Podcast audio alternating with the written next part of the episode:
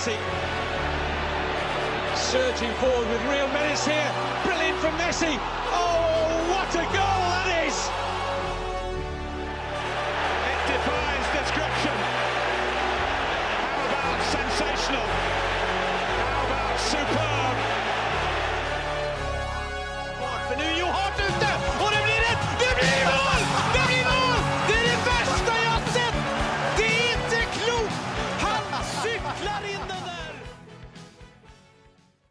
Ja, velkommen til episode 177 av den eh, verdensberømte podkasten 90 minutter. Med meg i studio har jeg som vanlig Mats uh, Granvold.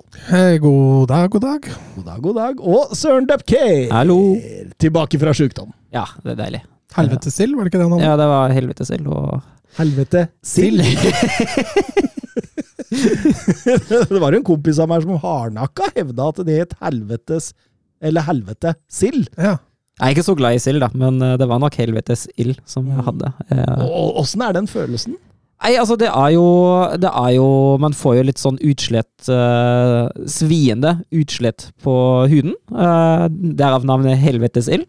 Uh, og for meg gikk det i kombinasjon med ganske kraftig hodepine og voldsom slapphet i kroppen. Uh, det er jo ikke noe farlig, uh, i hvert fall ikke for folk under 65 som jeg har lest, da. Um, men det er ganske ubehagelig. Og så er jeg jo litt sånn, jeg er ganske dårlig til å være syk, for jeg blir veldig utålmodig når ting ikke blir bedre, og jeg sitter og er utmatta og alt det der. Men uh, Er du vanskelig å være i hus med når du er syk? jeg, jeg tror samboeren min uh, ville påstått det, ja. Mm. Mm. For jeg blir litt sånn, jeg blir litt sånn gretten av det. Ja. Jeg, jeg egentlig Syns litt synd på deg sjøl. Nei, egentlig ikke, men, det Nei, sånn, men jeg blir litt sånn misfornøyd. Jeg er jo egentlig en person med ganske mye energi, som gjerne vil, uh, vil gjøre mye. Uh, og når kroppen ikke spiller på lag, jeg blir utålmodig og gretten av det. Jeg blir sånn misfornøyd. Mm, mm. Apropos utålmodig og gretten, åssen går det med deg, Mats Granvold? Nei, det går eh, fint. Jeg har ikke hatt noe helvetesild eh, denne uka, i hvert fall. Tror jeg. Nei, nei. Som jeg har lagt merke til, i hvert fall. Uh, ellers så går det veldig fint. Tatt unga denne uka, så det har vært uh, full rulle og kommer rett fra barnebursdag. Ja, så hyggelig, ja. Eh, ja, det kan Ja, vi kan konkludere med det. Ja, ja. ja, ja. Eh, vi, eh, vi spiller jo faktisk inn her en sånn søndag eh, Går det an å kalle det formiddag? Nei, det er, Ja, altså, Sammenlignet med det vi pleier å spille inn, er det jo formiddag. det, det er jo lyst ute. Ja. Det er veldig spesielt. Jeg sitter jo og, og ser på Mats i studio her, og, og bak Mats er det et lite vindu. og og, og eh, det, det er faktisk dagslys ute. Det, det er veldig uvanlig. Kanskje du ikke blir sittende og se på meg hele sendinga, da. Ja, Men det er litt vanskelig, da, så kjekk som du har blitt. Ja, det er sant. Alt det skjegget her, jeg skjønner at det er uh... Gjør seg klar til jula. Men eh, denne episoden skal omhandle en omfattende analyse av Liverpool, Atletico Madrid og Hertha Berlin. Eller heter det Hertha Berlin? Det heter Hertha BSC. Hertha BSC, som står for Hertha Berliner Sportsklubb. Mm, mm. Hvis jeg ikke tar helt feil nå. Må dobbeltsjekke det, ja. Nei, jeg tror det, jeg tror det er riktig. Også. Det er en bra start på analysa å lure på, å lurer på hva de heter. ja, Kommer vi superforberedt! Det var helt riktig.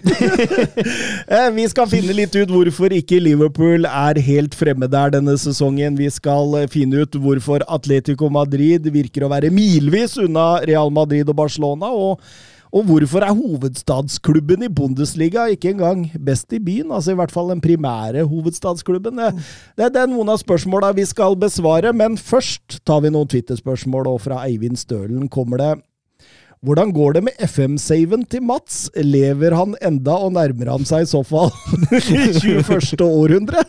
Eh, nei, nå har jeg ikke fått spilt så mye denne uka, da, for nå jeg ungene. Tror ikke jeg har spilt noen ting. Men jeg, jeg, jeg, jeg lever fortsatt. Jeg måtte, siste jeg gjorde før jeg slutta, var å si opp i crew. Ja. Så nå er jeg kun eh, trener for Englands landslag.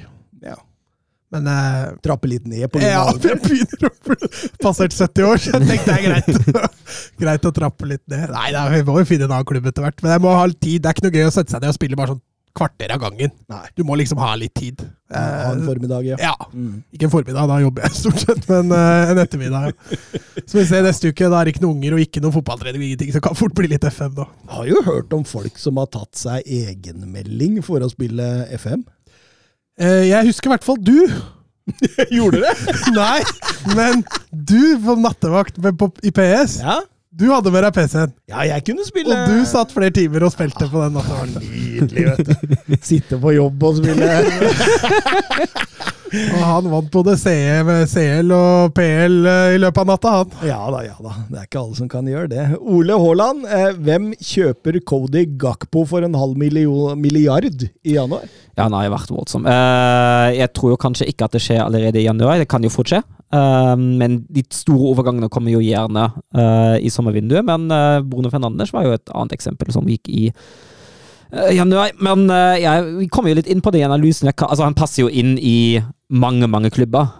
Men altså, jeg kan jo fint for eksempel se for, ham, for meg ham i Liverpool. Jeg mener at han har veldig mange av de kvaliteter som passer veldig godt inn i en Klopp-fotball. Kvaliteter som Klopp liker veldig godt, og kvaliteter som det Liverpool-laget har godt av. Chelsea òg. Altså, han, passer, han passer jo inn altså, Han kan Altså, jo spille Han er ganske moderne. Ja, han er det. Han er det. Ja, altså, han passer eh, egentlig lag som vi angriper både raskt, og, og, og lag Mm. som er mer possession-retta, syns jeg. Altså, veldig spennende spiller. Veldig sånn Ja, altså, komplett ja, på mange måter. ja, han har jo alt, egentlig. Uh, og han er jo, han er jo både, både skapende, kan avslutte sjøl. god i presse, god med ballen. Uh, god mot etablert, god i kontringsspillet. Det, Mm. Mm. det er jo altså, som du sier, en komplett spiller.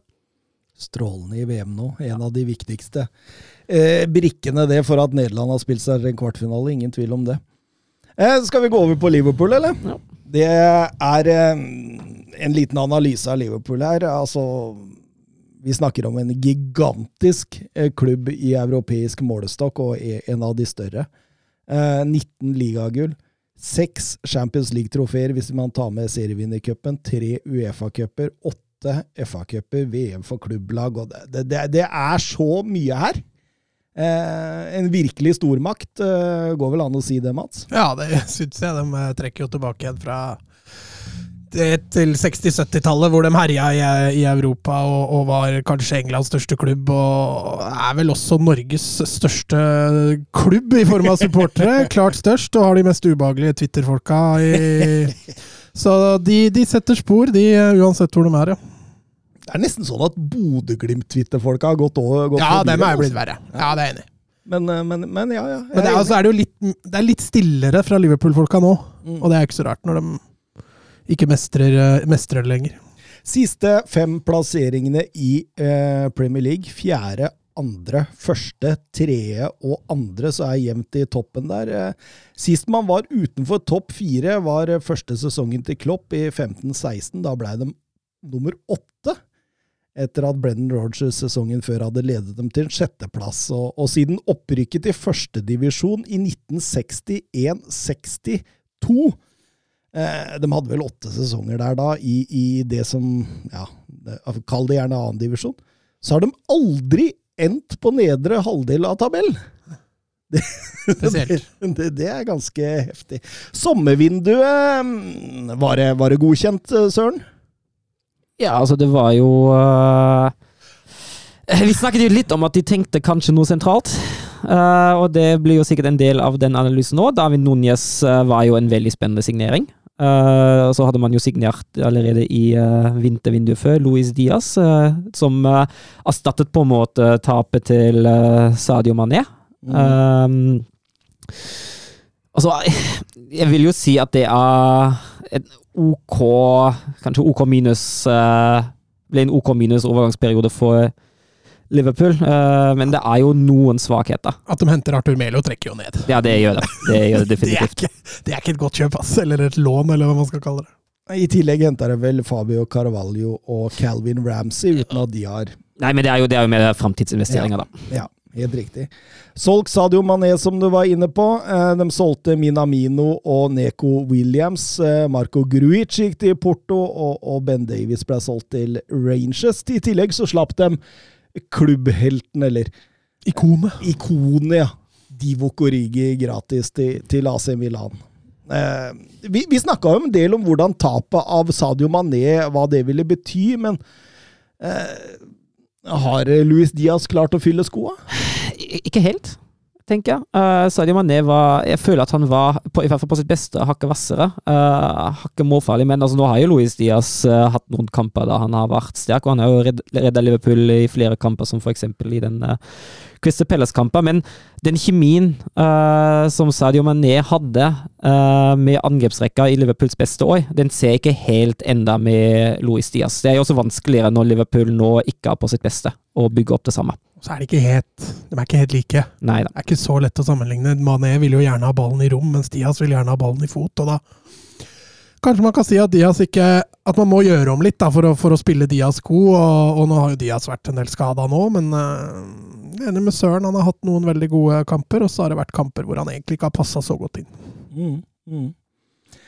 Sesongen åpna de jo med en uh, seier, overbevisende seier i Community Shield mot uh, Manchester City. Både Salah og Nunes på skåringslista. Men, men, men kommer skeivt ut i serien fra starten av der. Ja, det ble jo tap mot Fulham og uavgjort mot uh, Crystal Palace i starten. Jeg tror det var uavgjort mot Fulham. Var uavgjort mot Fulham, ja. Beklager. Men, uh, ja, fall, men det var i hvert fall langt bak det som man skulle forvente. Man forventet jo egentlig fra dag én at det skulle bli en race mellom Manchester City og Liverpool. Uh, og City klarte jo egentlig veldig tidlig å bygge opp en betydelig lykke til eh, Liverpool i denne sesongen. her.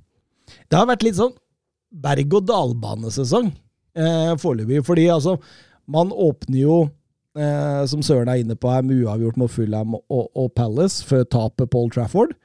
Uh, står med to av ni poeng da, før de banker Bournemouth 9-0. Og, og, og, og 2-1 mot Newcastle, som gjør at ok, nå er de i gang igjen. Men så taper de eh, noen kamper igjen.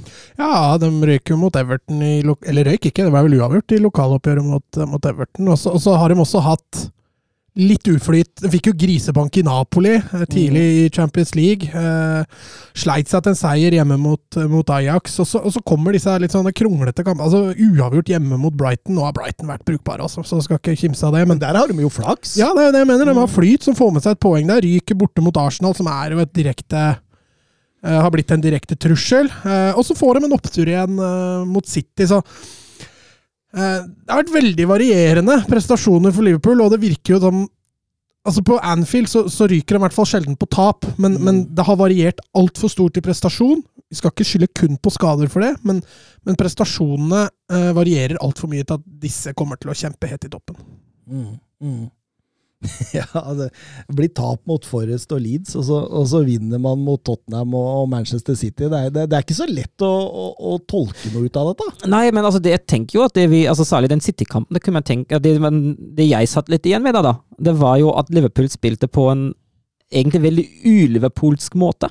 Uh, Satsa mye mer på kontringa, lå mye dypere enn man, uh, man er vant til. Uh, og det fungerte mot de store lagene. Liverpools problem i anførselstegn, er jo et, et av problemene er jo at når de møter da Leeds og Forest og Fulham og Pelles, de lagene er jo kjempefornøyd med å spille uavgjort mot Liverpool. Mm. Og da går ikke den samme inngangen. Og den klassiske Liverpool-greia, den klassiske spillemåten til Liverpool som vi har kjent under Klopp, det er jo da det, det har oppstått problemer i år.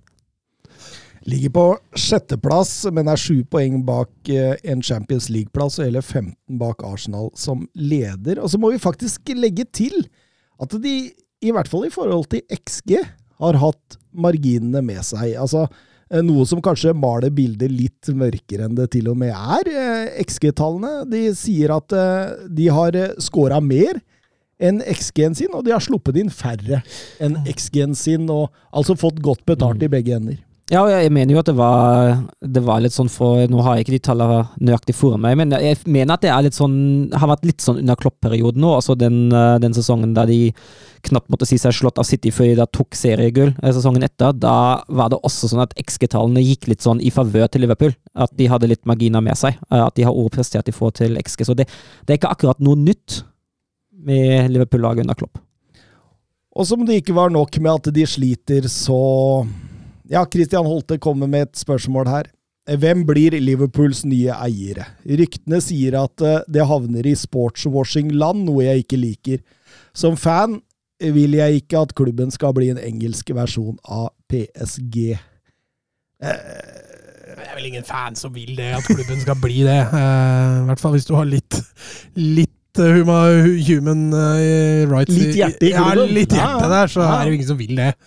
Og det, det er jeg jo for så vidt helt enig i. Eh, Denne sportsvaskinga, den, eh, den tar dessverre mer og mer av fotballkaka nå. Det, vi får bare håpe. Jo, vi nevnte jo sist også at, eh, at Liverpool-eiere også var litt bevisst på hvem som skulle kjøpe, så vi får bare håpe eh, ikke selger til hvem som helst.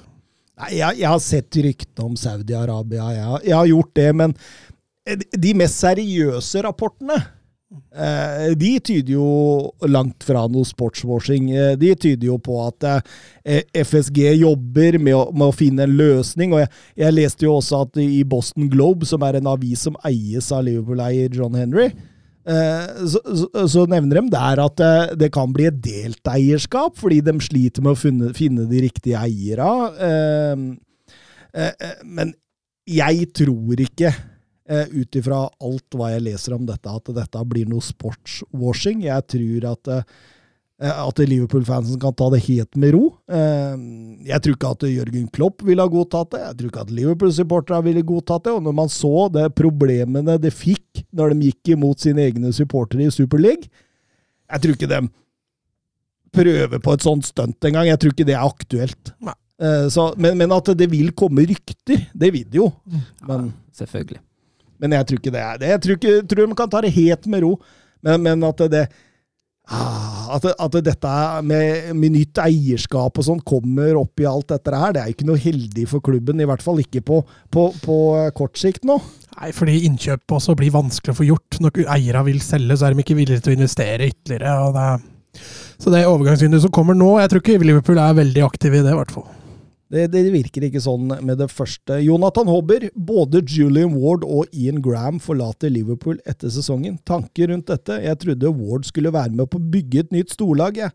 Hva betyr dette for Liverpool på kort og lang sikt? Jeg tenker jo at dette er et uh, kjempetap for Liverpool. Eh, Julian Ward han kom jo for å ta over etter Michael Edwards som eh, sportsdirektør, og han hadde jo jobbet i City før han jobbet vel, kommet til Liverpool i 2012, eller noe sånt. Eh, så han har vært i ti år.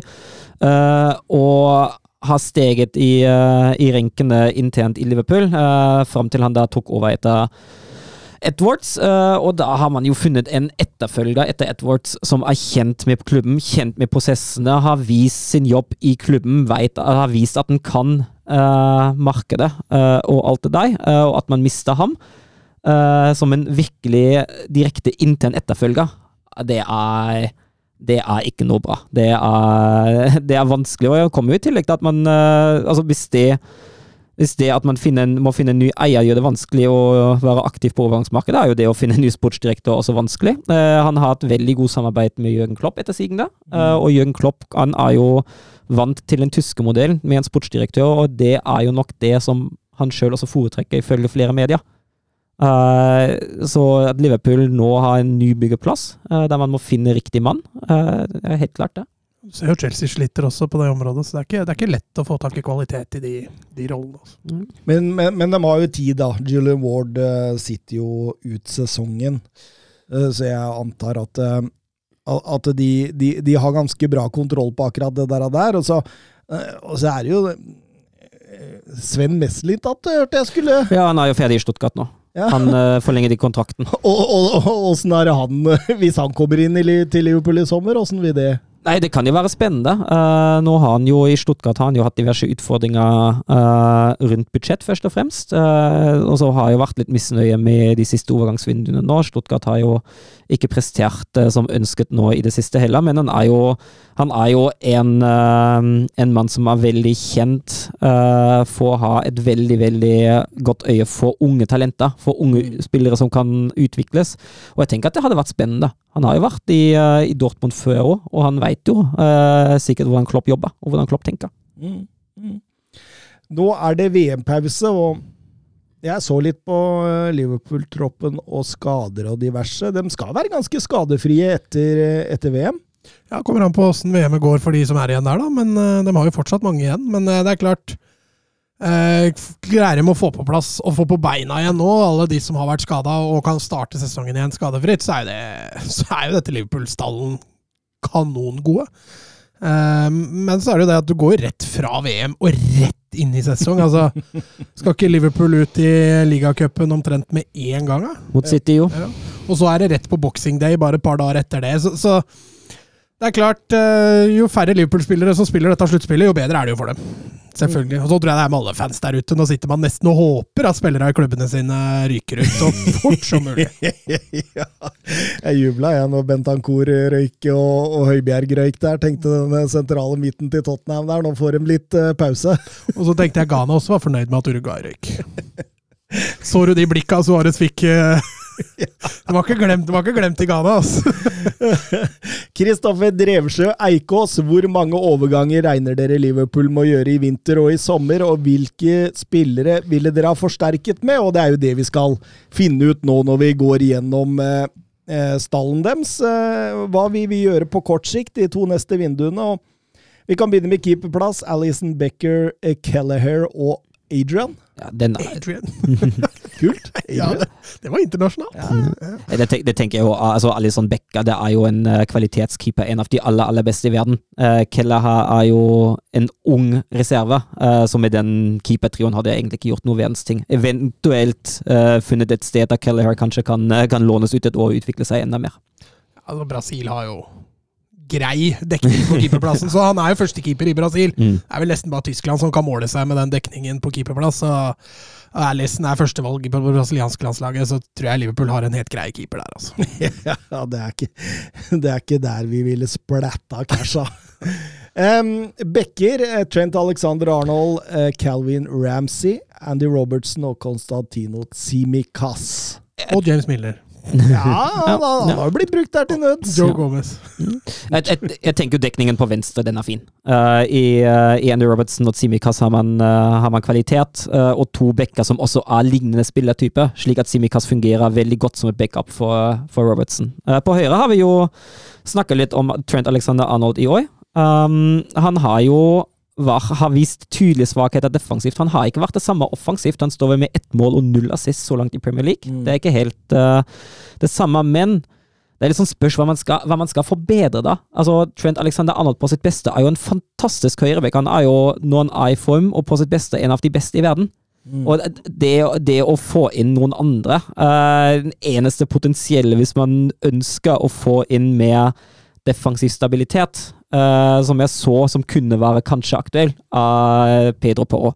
Mm. Men utover det altså, jeg ser egentlig ingen som kan uh, kan gjøre noe der. Så jeg tenker at den uh, Jeg tenker den må enten satse på Arnold eller ja, ikke. Ja. Så, så, hvis man da velger å satse på den, så skal man ikke kjøpe noen ny. Nei. Hvis man velger å ikke satse på den, så er det jo noe annet. Men, men, du kan ikke ha en Arnold du spiller med når du møter dårlig motstand, og så skal du ha en Pedro Porro som spiller. Nei, da vil du få to misfornøyde høyrebacker, så det ja. Og jeg tenker, jeg, tenker, altså jeg tenker, heller at man må finne måter uh, enten med Arnold, eller gjerne både med Arnold og med spillerne rundt, uh, som gir mer defensiv trygghet.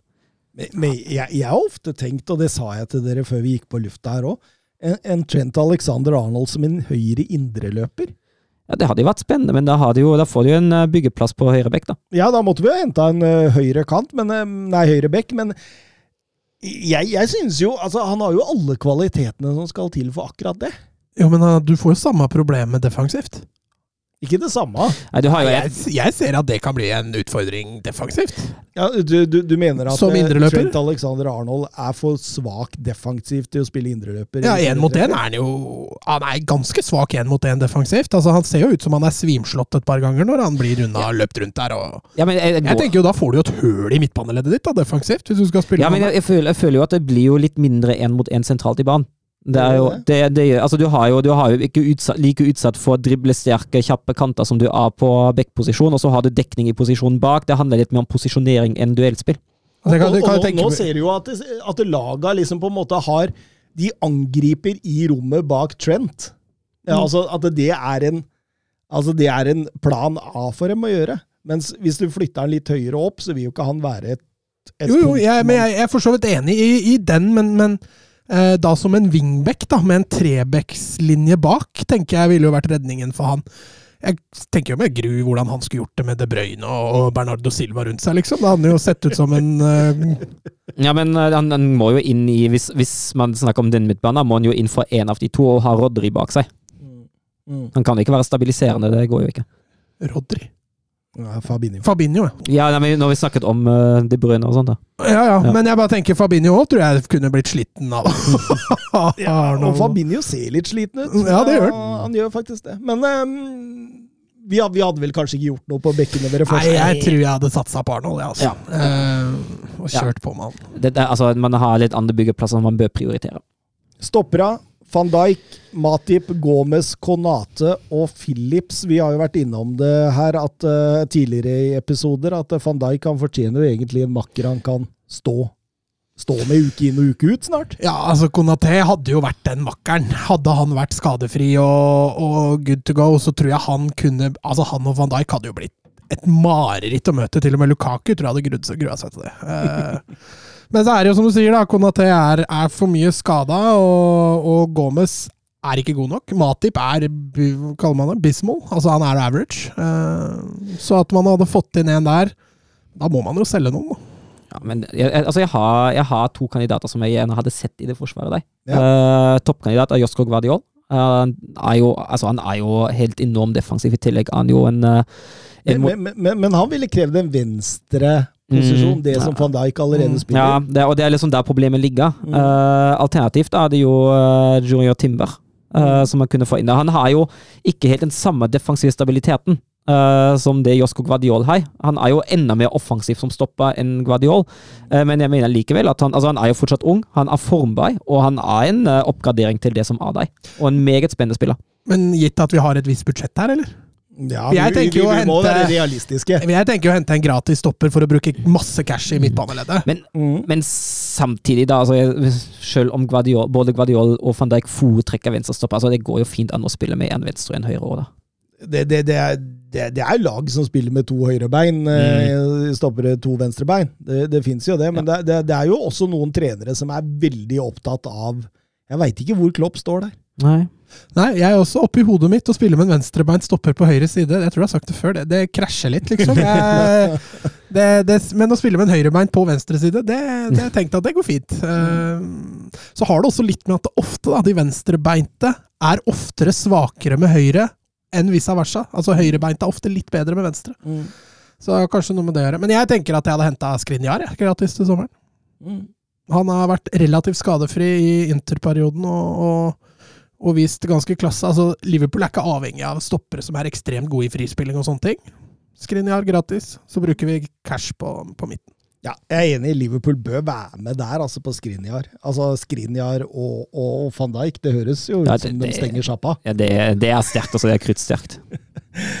Ja, men den er fin. Eh, Sentral midt her er jo Altså, det er så mye spillere. altså og, og, og kvantitet over kvalitet, vil jeg si på veldig, veldig mange. Um, Fabinho, Curtis Jones, Nabi Keita, Tiago, Artumelo, Jordan Henderson, James Milner, Oxlade Chamberlain, Harvey Elliot og Fabio Carvalho. Det er noe ungt! Ja, Her kan du også mikse og matche litt. Altså, Harvey Elliot kan jo fint gå opp om kant, det kan jo Carvalho gjøre, og Chamberlain også. Eh, Ja Milner kan fint gå ned på bekken, så her har han jo mye mye, hva skal vi kalle det, poteter. Ja, man mye, men, men, men, men faktum er at de som spiller eh, på den sentrale midtbanen, det er snart 100 år til sammen. Ja, altså det, det føles som at noen er på vei ned, mens de unge ikke helt har tatt det steget Ja. opp enda. Og det er liksom der det ligger. Jeg syns Harvey Elliot begynner å se bra ut. Ja, jeg er enig.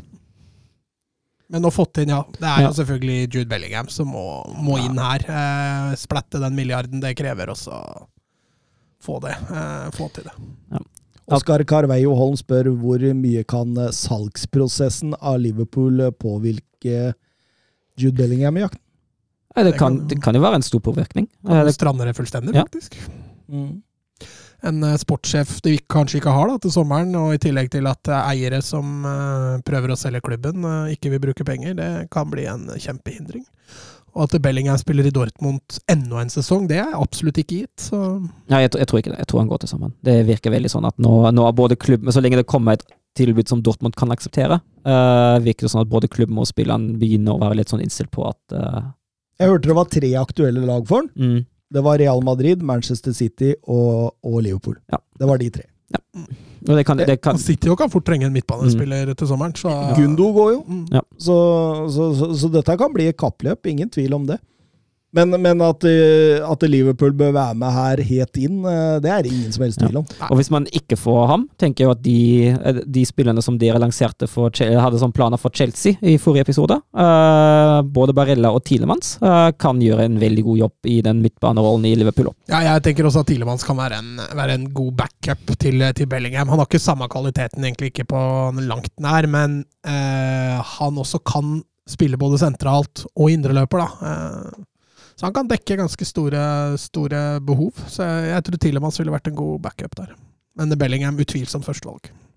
Og så trenger de også en Altså, jeg, jeg syns de blir så mye svakere eh, i midtbaneleddet når Fabinho enten er skada eller i dårlig form. De, de, de trenger en inn her. Jeg, jeg, det, er, det er en følelse jeg sitter nå av at vi har sett det beste av Fabinho. At, eh, at det toget er på vei eh, inn i tunnelen. og, og, og, og Kommer ikke ut igjen på andre sida, er det det du sier? Nei, det spørs, det. det spørs. Og, og da vil jeg liksom Jeg jeg setter spillere som Sandro Tonali eller Enzo Fernandes i Benfica som, som mulige erstattere der. I hvert fall på litt lengre sikt. altså. Enzo Fernandes nå som nå, nå har jo jeg snakka mye om han uh, lenge før han gikk til Benfica. Uh, men det han gjør for Argentina i VM nå, det er um, det er strålende, og det, det er klassemål, blant annet, her. Og, Mm. og, og styrer den midten strålende. Syns han også var meget, meget god i gruppespillet. Altså. Ja, nå har han jo satt Paredes også på benken. Eh, Han gjorde jo de nødvendige Jeg nevnte jo det før her, at Argentina alltid sånn eh, kompiskjøring på landslaget. Nå, etter den tapet mot Saudi-Arabia, så er jo både Alvarez og Fernandes kommet inn og vist at de, de, bør, de bør spille videre, for å si det sånn. Men skal vi bruke, skal vi bruke penger på Bellingham og, og, og eh, Enzo Fernandes, da, eller? Nei, det blir dyrt, det. Ja, det, det, det er et par milliarder, tror jeg. Ja, det kan fort bli eh, et totall foran den milliarden, ja. Men jeg tenker at det er jo fornuftig brukte penger. Altså. Hvis jeg først skal bruke penger. Ja, Det er der har du masse framtid. Men det er, jeg har mine tvil på at Liverpool splatter to milliarder på de to. Du, du klarer ikke å hente ut begge samme Nei, sommer. Jeg, jeg vil ikke tro det. Men, men vi hadde i hvert fall prøvd å, å angrepe, ja. Altså Salah, Núñez, Firmino, Diaz og Yota med, med, med, med noen variabler som Mats var inne på her. Det er noen som kan gå opp fra midtbaneleddet, men Ja, altså er jo, altså er jo Yota er jo mye skada nå. Uh, Sala begynner jo å dra litt på året. Han er jo 30 år. Firmino er vel inne i sin siste Ja, så det, der trengs jo noe inn nå, og som jeg har nevnt uh, før Altså, jeg hadde prøvd meg på Cordi Gakpo, jeg. Uh, det, er, det er en spiller som har så mye kvaliteter, både med og uten ball. som er så fleksibel, som kan fylle så mange roller, som har så masse målpoeng, både mål og assist i seg, at, eh, at han hadde vært et ekstremt godt tilskudd for dette Liverpool-laget. Eh, uten tvil, altså. Både, både i topp og bredde, egentlig. Jeg hadde i hvert fall solgt uh, Yota. Overrasket nå! Ja. De har jo også muligheter da, som en eh, erstatter for Firmino. Altså Depay blir jo frigitt etter sommeren, så der kan man jo få noe gratis. Altså Hvis vi har splatta to milliarder på Fernandes og, og Bellingham, så spørs det om vi har råd til noe Gakbo. Ja, eh, sånn sett. Men eh, ja, jeg er jo selvfølgelig enig med Søren. Får man, får man tak i Gakbo, så er jo det en kjempeforsterkning. Og i hvert fall med den skadeutsatte fronten Liverpool har. da. Eh, Núñez har slitt litt med skader. Diaz, som vi har snakka om, har slitt med skader. Jota har jo vært ute lenge. Så at, Og hvis Firmino går da til sommeren, så må man jo ha inn en. Mm. Så enkelt er det. Absolutt, eh, men eh, det blir i så fall i sommervinduet. Men, men med andre ord da, så tror vi ikke at det skjer så mye i vintervinduet der. Nei, men det har jo noe med å gjøre at Liverpool Da de nå må jakte, må de jo jakte litt topp, og ikke bredde. Mm. Uh, og det er jo litt sånn de overgangene som er litt vanskelig å få til uh, i vintervinduet. De har også mye daukjøtt som de kan kvitte seg med. altså. Eh, Nabi Keita, for eksempel. Og sånn. Altså, Chamberlain. altså Dette er spillere som bør egentlig finne seg noe annet. Sånn, Mm. for alle sin del, liksom. Eh, Chamberlain får mer spilletid. Keita får vel ikke spille så mye mer uansett, for han er jo stort sett bare skada. Men eh, også for Liverpool få inn litt friske cash. Sånne ting. Mm. Mm. For de har vært gode til å hente bredde de siste åra. Altså. Ja, altså det, det som, som kan nevnes, er jo, er jo i hvorvidt Liverpool klarer eller ikke klarer Champions League. Det kan jo eh, påvirke både økonomi og eh, attraktivitet. Spesielt det siste. Mm. Altså at Liverpool går glipp av 300 millioner i Champions League. Jeg tror ikke det Er ikke Det det er selvfølgelig veldig mye penger, det er ikke det, men uh, jeg tror ikke drifta til Liverpool settes noe tilbake fordi de ikke er med i Champions League i år. Pluss at noe av de nye Champions League-reglene gjør at Liverpool allikevel kommer med. Så. Eh, men jeg avslutta hver bolk eh, forrige uke med å spørre hvordan ender det til slutt, da? Og, og Liverpool ligger på sjetteplass nå. Eh, Vi kan begynne med Mats. Hvor, Ja, hvor de tar det? ikke igjen Arsenal og City, i hvert fall. Så hvis de får skikkelig flyt i dette her, så karrer de seg inn eh, topp fire. Det tror jeg, eh, tror jeg nok de gjør, eh, og sier nummer fire. Jeg går imot å si nummer fem. Nummer fem, ja. Mm. Oi, oi. oi, oi. Mm. Eh, Jeg, eh, jeg tror de eh, kommer nummer fire, bak Arsenal, Manchester City og Tottenham, og ikke i den rekkefølgen. Begynte du på første, eller begynte Nei, det var derfor jeg sa Det gikk opp for meg underveis her at det var ikke den rekkefølgen. Men 4-4-5 til Liverpool, altså. Og Før vi tar Atletico Madrid, så tar vi noen Twitter-spørsmål. Geir Halvor Kleiva. Sett opp en topp fem-liste over de beste midtbanetrioene fra klubbfotballen denne høsten. Ja, helt øverst har jeg to lag i Premier League, og det er City og Arsenal. Mm. Jeg mener at de trioene der, eh, Rodri de Bruyne og Tain Silva, eh, har vært strålende. Og det samme gjelder Party Chaka og Ødegaard. Men, men, men det fins jo Ja, ja for da, da, da tar du med 4-2-3-1 ja, med den. Jo, jo, for Ja. all del, men, men det samme altså med tanke på hvordan altså Ja, det er en 4-2-3-1, men Sjaka går jo inn i en såpass tydelig indreløperrolle fra den dype midtbaneposisjonen Mm. at jeg føler altså det, Arsenal spiller jo med en veldig hybrid, tenker Ja, jeg. ja, men det er veldig mange som gjør det, så det er så Ja. vanskelig å finne Det en samme liksom. Det samme gjelder jo Bayern, da, med Mosiala foran uh, Kimmich og Goretzka. Goretzka vandrer jo også veldig mye mellom Mm. linjene. Uh, jeg har jo Bayern med på lista òg, så jeg tenker at det er jo en trio, det òg. En litt annerledes trio, men det er jo en trio. Ja, ja, jeg skjønner hva du mener. Ja, nei, jeg er helt enig. Jeg syns den, den var veldig vanskelig, fordi Altså, ta, ta mitt eget lag, da, Barcelona, som Mm. kan stille en veldig sterk midtbanetrio, men de rullerer jo hele tiden. Eh, samme gjelder jo Altså, Hvis jeg skulle satt ut min favorittrio på midten, så hadde jeg jo tatt de Jong, Gavi og Pedri. Men de har ikke spilt så mye i år. Nei, nei. Det er jo Busquets har jo stort sett spilt, så det, jeg syns det var vanskelig å finne også en trio som har spilt jevnt, da. Mm. Hele Ja, veien. det, det, det rulleres. For eksempel Ja, ta Tottenham, ditt lag òg, så må fort spille med en midtbanetoer, og så plutselig spiller de med en treer. Ja, plutselig så er eh, Bizuma inni der, og så er Høibjerg og Bentancour indreløpere. Sånn. Ja, det, det, det er veldig mange variabler. Kan i hvert fall si at Arsenal ikke rullerer så voldsomt mye der, da. Og så er det liksom sånn Ok, skal vi ta med PSG? De har jo stort sett spilt 3-4-3 med, Mm. med Messi som en sånn hengende. Er Messi en del av den Ja, det er trioen, vanskelig, det, ja, det er, altså, det er vanskelig å, å bedømme. For da, for da er jo Verratti, Vitinha og Messi Ja, helt der oppe, ja. ja. Helt enig. Jeg har ikke tatt med PSG, da, men Nei, nei, nei. Nei, fordi jeg tenker jo sånn at eh, hvis man kan ta med Arsenal, så kan man ta med PSG. Hvis du skjønner hva Ja, jeg skjønner hva du mener. Ja, ja, Det, det er litt ja. av den samme Men det er vanskelig. Jeg syns Napoli må nevnes her. Ja, enig. eh, med Lobotka, Zelenskyj og Angissa syns jeg har vært helt enorm. Lobotka er jo Mm. Han, er, men han er jeg også med. Nei, enestående. dem er jeg også med.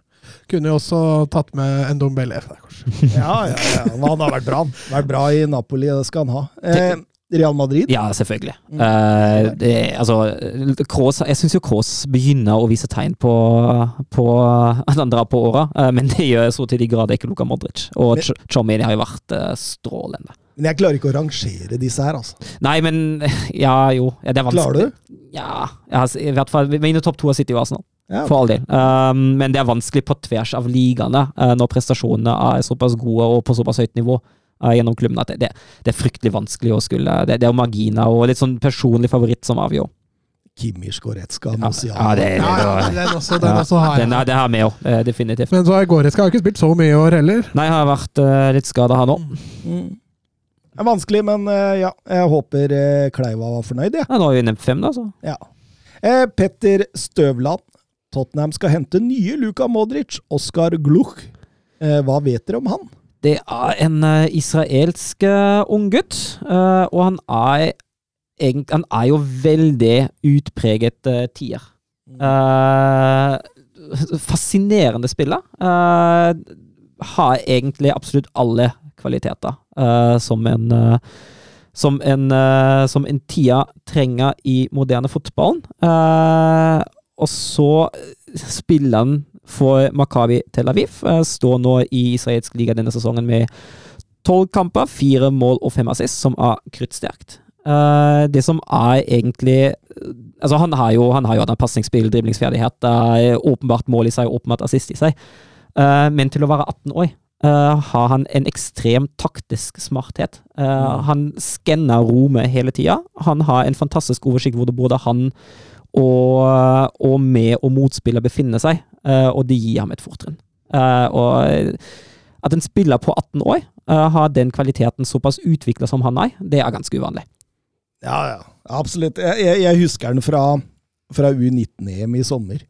Eh, da Israel spilte seg til finalen mot eh, England, var det vel til slutt der. Ja, da var han jo strålende da. Ja, ja. Han var, han var helt enorm. Jeg, jeg forstår Luka Modric-sammenligninga her. Han er kanskje hakket mer farlig, altså mer, mere på mål enn Ja, men- det Luka Modric er. Men var ikke Luka, starta ikke Luka Modric også litt som en sånn klassisk tier egentlig, og ble litt mer åttende etter hvert? Ja, han gikk rett inn som en indreløper i Mm. Tottenham, i hvert fall. Uh, men men, eh, men det, det, det er helt klart, det er- en voldsomt eh, spennende spiller her, ingen tvil om det. Altså, vi, vi, det, det, dette er en spiller som vi, vi, vi får et spørsmål om å finne den nye Kvadraskela, altså den nye spilleren som ikke er så kjent uh, seinere i, i, i programmet her. Han kunne jo gått rett inn der. Mm. Eh, kjempespennende. mm, Spiller fast for Makabi Tel Aviv, som Søren er inne på her, og, og, og, eh, og har noen kvaliteter der altså, som er veldig, veldig spennende. Så det, det, det blir gøy. Hvis Tottenham henter han, så tror jeg de henter noe skikkelig for framtiden. Eh, Jørn Henland. Tror dere Kanté får ny kontrakt i Chelsea, eller er skadeproblemene for store til at de tilbyr det? Eh, hvor tror dere eventuelt han spiller neste sesong? Eh, Nå ser det jo ut som de nyeste ryktene nå tilsier jo nå at det ser vanskelig ut. Eh, Kanté kan vel tenke seg å fortsette ut ifra det som sies, men Chelsea har ikke tilbudt noe ennå, og det kan se ut som at han blir free agent. Um, og det, det er jo synd, men eh, som uh, Jørn Henner er inne på, det er jo skadene som har ødelagt litt for ham. Eh, og hvis jeg tenker, tenker, med tanke på alderen, han er jo over 30, Han blir Eh, 32 i ja, mars. Og spillestil kan du ta med. og spillestil. Uh, og skadeproblemet altså Jeg tenker jo med en gang dette er Juventus-materiale. La oss få inn en ny, kjedelig midtbanespiller. Yes. Som ofte er skada. Ja, det er enig. enig. Jeg er jo alltid en sånn sucker for at uh, spillere som som på en måte har kommet altså, Jeg har alltid ønska Ronaldo tilbake til sporting, ikke sant? Eh, og, og, og dra litt tilbake der de kom fra. Men, men for Kanté da, så er det jo altså Boulogne og, og, og Cannes, og det, det, det er jo league 2 og league 3 og hele pakka her, liksom. Så det, eh, det, det, er, det er jo ikke noe vei dit, føler jeg. Nei, men han er vel, jeg tror han får én siste storklubb hvis han går fra Chelsea nå. Tror du ikke det? Blir Barcelona, da. Ja, ja, det kan godt være. De finner, kan finne på noe sånt. Ja, de kan jo det.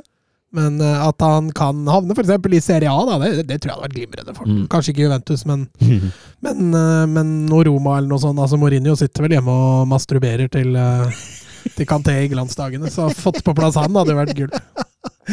Mourinho hadde i hvert fall tatt den imot. Vi går over til Atletico Madrid. Elleve ganger La Liga-vinner, ti Copa del Rey. Tre ganger Europa League, én cupvinnercup, én supercup. Og eh, tapte Champions League-finaler, men eh, på mange måter en enorm klubb. Eh, eh, det naturlige tredje hjulet på vogna når det handler om de tre største i La Liga, er det jeg ofte tenker. Eh, Ja, de har utvikla seg til å, å bli det. Fra Simione kom inn, og egentlig helt fram til i dag, så har de vært en selvfølge. Topp fire. Eh, Noen sesonger selvfølgelig mer flyt enn andre, men har alltid ligget og pusta de store i, i nakken, også i Champions League, som du var inne på, selv om de aldri har klart å gå helt inn. Nei. Um har ikke vært utenfor topp fire siden første sesongen til Diego Simione i 2011-12. Eh, før Diego Simione hadde dem én av åtte sesonger i topp fire, så det er, det er stor kred til, til Simione, ingen tvil om det. Og de siste plasseringene i La Liga har vært 2, 2, 4, 1 og 3. Så det er jo åpenbart at uh, dette er jo et lag som har klart å stabilisere seg helt i toppen av spansk fotball. Ja, og til og med kan utfordre de to store uh, når alt går optimalt for Atletico, eller når ting ikke skulle gå optimalt for de to store. Ja, Mangler det litt flyt for de to andre, så er de der med en gang. Vi må faktisk tilbake helt til 70-80-tallet, under legenden Aragones, for å finne sist på en måte klubben hadde en sånn stabilitet i toppen som de har fått under Diego Simione. Hva, hva syns du om sommervinduet de presterte, Mats? Nei, altså, de, de henta jo litt der de måtte. Eh, Regilon ble jo leid inn for å, for å eh, erstatte Renan Lodi, som dro til Nottingham Forest. Eh, Molina kom jo inn på høyrebekken etter at Trippier dro i dro i vinter, og Daniel Wass ble jo aldri noe, så han forsvant jo. Eh, I tillegg så fikk de jo da inn eh, Aksel Witzel gratis fra, fra Dortmund. En klassisk Simione-signering, kan man vel eh, kan man vel kanskje si. Ut, ikke noe all verden. Nuan Perez, lovende stoppertalent, dro vel til Udinese, hvis ikke jeg husker feil. Mm. Og så, som jeg nevnte, da, Renan Lodi dro, dro, til Nottingham Forest. Så um, ikke de store forandringene i troppen til Atletico. Luis Suárez tror vel òg? Ja, det stemmer selvfølgelig. Han blei frigitt. Så fikk de tilbake Alvaro Morata fra et lengre lån i Juventus. Ja. Og, og, Samuel Lino, som ble lånt direkte ut til, til, Valencia. Så det er åpenbart uh, litt uh, fremtid her. Ja, Han fikk jo også inn Giuliano Simione tilbake igjen fra et lån også. Så de har jo fått noen småsigneringer. Og, og Grismann blir vel kjøpt nå? Ja, Permanent. Ja. De har fått forhandla Må være tidenes beste leieavtale Atletico har fått, uh, fått forhandla fram der. Sesongen så langt det kom jo brukbart ut av det, men i, i runde seks så tapte de mot Derby di Madrileño, og, og, og, og, røyk deretter også mot Leverkosen og Klubb Brygge i Champions League, noe som gjorde at de kom veldig skjevt ut der. Og så, og så klarer man å plukke sånn jevnt og trutt med poeng, men, men, de kommer seg aldri helt i Champions League, og, og Ryker ut så du synger? Ja, de gjør jo det. Og, og, så avslutter de før VM nå, helt forferdelig, med Altså, her tar de ett poeng av ni mulige mot Cádiz, Español og Mallorca. Det er helt riktig, dem, og i den perioden så røyk de også ut da mot Porto borte. De kunne jo sikre Europa League, i hvert fall med, med, seier der, men den røyk da også. De avslutta vel strengt tatt sesongen med, med, en seier i Copa del Rey, men eh, Eh, du har helt rett. Ett poeng på ni, på ni, kamper, holdt jeg på å si. Ett av ni poeng mot, mot, de tre du nevner der, det er jo Altså, dem, dem forsvant jo rett ut av all mulig gullsnakk eh, mm. den perioden der. Eh, selv om når man har sett sesongen under ett, så skjønner man at Atletico er ganske langt bak de to store akkurat nå. Og underveis i sesongen så blei det jo mer og mer prat, uh, Søren, om uh, Simione og Ja, det er jo ikke forunderlig. Uh, det er jo ikke noe utvikling. Og det virker som at Simione har rett og slett nådd sitt tak med det laget der. Og så er det jo klart at når et lag spiller uattraktiv fotball, så er det lett å akseptere når ting går bra. Men når ting ikke går så bra lenger, så stiller man fortere spørsmålstegn ved spillestilen nå. Og Det som setter Atletico, og ikke minst fansen, litt sånn vanskelig, er jo det at Simione har jo i gåseøyne redda den klubben. Mm. mm. Ja, det er det som er vanskelig Så å, ha... å gå imot han tror jeg sitter fryktelig langt inne. Å ha, å ha en klubblegende på trenerplassen, mm. det er uansett om som spiller eller som trener, og i dette tilfellet som trener, uh, personer med ekstremt store fortjenester i og rundt klubben, det, det, det, er en vanskelig balansegang, det der, altså. Jeg tror jeg sa allerede før den sesongen at de bør fornye seg på trenerfronten. Uh, Simione han har maksa det han kan få ut av laget. Han mangler egentlig bare den Champions League-tittelen. Han har vunnet alt annet med Atletico, han mangler kun Champions League. Uh, men den får han ikke. Den tror jeg aldri han kommer til å få. Uh, ikke med den stilen han har, og det spillemateriellet han, han har til rådighet. Så uh, når vi går gjennom fornyelser her, så er vel egentlig trenerplassen kanskje den største, største fornyelsen de bør gjøre. Altså, han tok jo over Atletico i 2012. Og da var han jo på mange måter mer tvunget til å være defensivt anlagt. Men nå i 2022 så har han jo fått en stall som ikke nødvendigvis behøver å være det. Og, og, og, og flere i styret også hevder jo det at nå må vi spille mer offensivt uh, anlagt fotball. Diego Simione han er ikke til å rokke. Uh, han uh, har han jo også gitt beskjed til styret om at eh, det er jeg som bestemmer. Hvis dere skal komme inn her nå og bestemme om måten vi skal spille fotball, så gir jeg meg. Mm. Så Eh, de, de, de sitter i en sånn I og med at han har kontrakt i ett og et halvt år til også, så er det litt sånn Ok, hva, hva skal man gjøre? Og Bjørn Erik Skorgan spør tror dere Atletico Madrid faller hvis Semione får sparken eller kontrakten ikke fornyes. Nei, det tror jeg ikke. Mats har vært inne på det. Det er eh, nødvendig å fornye seg på den fronten nå. Eh, ikke nødvendigvis nå, nå. Jeg tenker jo at man kan fint avslutte samarbeidet eh, etter sesongen og si takk for en fantastisk tid. Eh, nå er det på tide. Eh, I hvert fall ikke de skal sparke nå. Nei, nei, nei. Det er, altså, de, de ligger på, altså, de ligger jo av poeng med fjerdeplassen. Eh, det, altså, det er ikke noe vits. Topp fire er fullt mulig for det laget der. Eh, så jeg, jeg ser ikke grunn til å sparke nå, i hvert fall ikke med de fortjenestene som man har rundt klubben. Det spiller jo, spiller jo selvfølgelig inn. Men eh, det som er jo så fint med Simione-fotballen, da, eh, at det ligger jo et fundament der. Et defensivt fundament. Klubben er jo sånn sett i orden. Eh, det er lettere for en ny trener å bygge videre på å bruke det defensive fundamentet som Simione har brukt som utgangspunkt, og bygge noe mer offensiv kvalitet opp på det. Det er ikke, det er ikke en klubb som ligger brakk, det er ikke en klubb som må, som må fullstendig restartes. Det er en klubb som kan bygge videre på fundamentet som er lagt, og det er en kjempefordel. Mm. Ja, ja, for all del. Jeg er helt enig. Men jeg, jeg syns jo det hadde vært så mye enklere om den kontrakten hans hadde gått ut i sommeren. Eh, det, er- det ikke heldig om det bestemmer seg for å ikke gi en ny kontrakt, og så må han sitte på oppsigelse i halvannet år til. Eh, da tror jeg man like godt kan bli enig med ham om, å- å avslutte i sommer. Eh, så jeg syns den der, der er veldig vanskelig, og, og, og enda vanskeligere blir det jo også når man veit hvor stor jobb han har gjort. Mm. så, så, så Nei, kjempevanskelig. Eh, Didrik Tofte Nilsen. Er spillestilen til Simione med på å gi offensive spillere et tak, og defensive spillere i Atletico kan bli verdensklasse, men at det skal veldig mye til for å bli verdensklasse offensivt? Ja, jeg syns han treffer spikeren på hodet godt da, ja. Uh, og det skyldes, eh, etter min mening, da, at Atletico baserer så veldig mye offensivt uh, på individuelle prestasjoner. Uh, spillerne har ikke nødvendigvis et godt offensivt system som de kan utvikle seg i, eh, som de kan jobbe med, eh, slik at de blir i anførselstegn med aleine eh, når det skal komme til det offensive. Og det er klart at man presterer man presterer best når ting er satt i system, man presterer best når man har, har klare ting å forholde seg til, klare retningslinjer. Det tror jeg ikke nødvendigvis det er i Atletico Madrid. Om så er det nok meget simpelt, og det gjør det vanskelig for offensive spillere å nå sitt fulle potensial. Jeg syns han er 100% på noe der. Men, det, men det var jo han som lagde Diego Costa, var det ikke det? Jo, Diego Costa var jo Jeg tror vel Diego Costa passa veldig fint inn. Det var vel ikke sånn at han forma han dit han ville ha han, men det er klart, en Diego Costa-type er jo en perfekt eh, Simeone-spiss. Lager helvete og Grismann har vært bra under. Ja, men Grismann er jo best når han får en spiss sammen, så han kan operere litt fritt.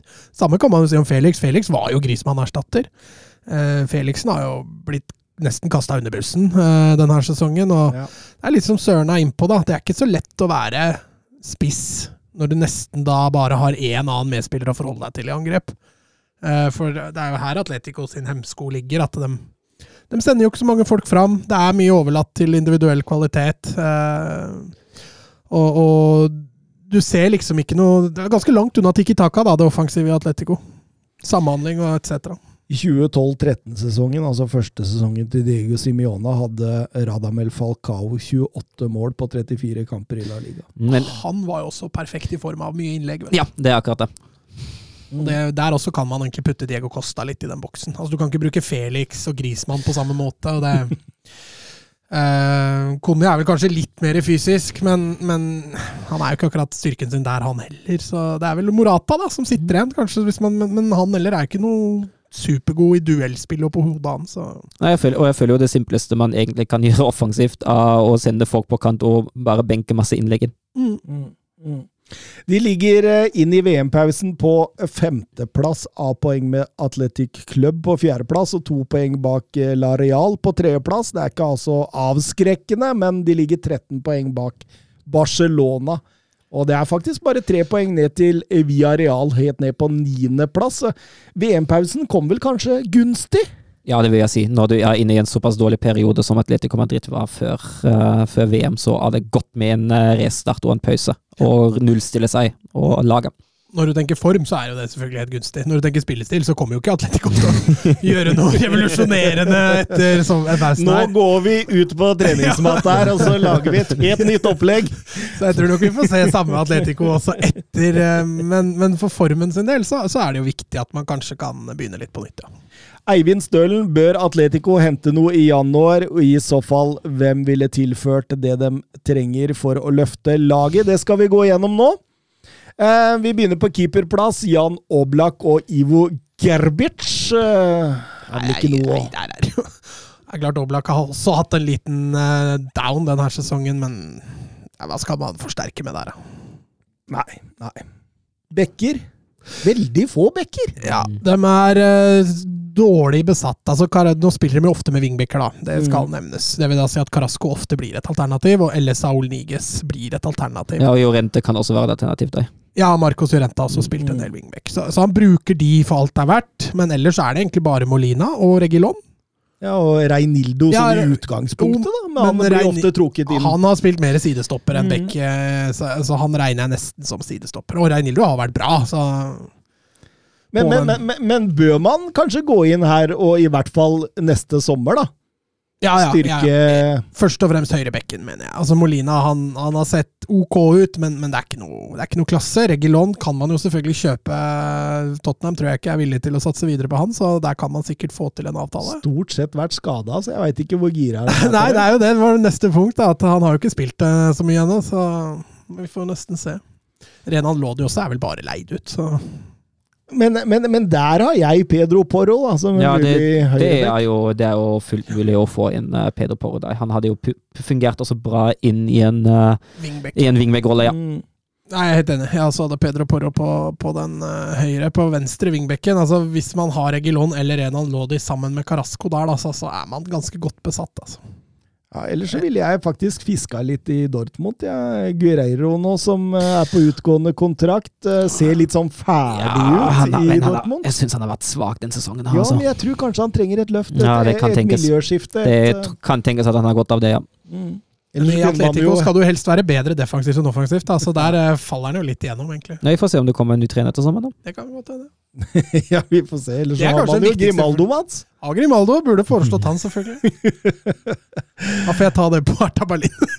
Jeg har glemt den både i Liverpool og Eh, Hertha har nok ikke penger til å betale han. Men, men, men så kommer man til stopperplass, og så ser man Ok.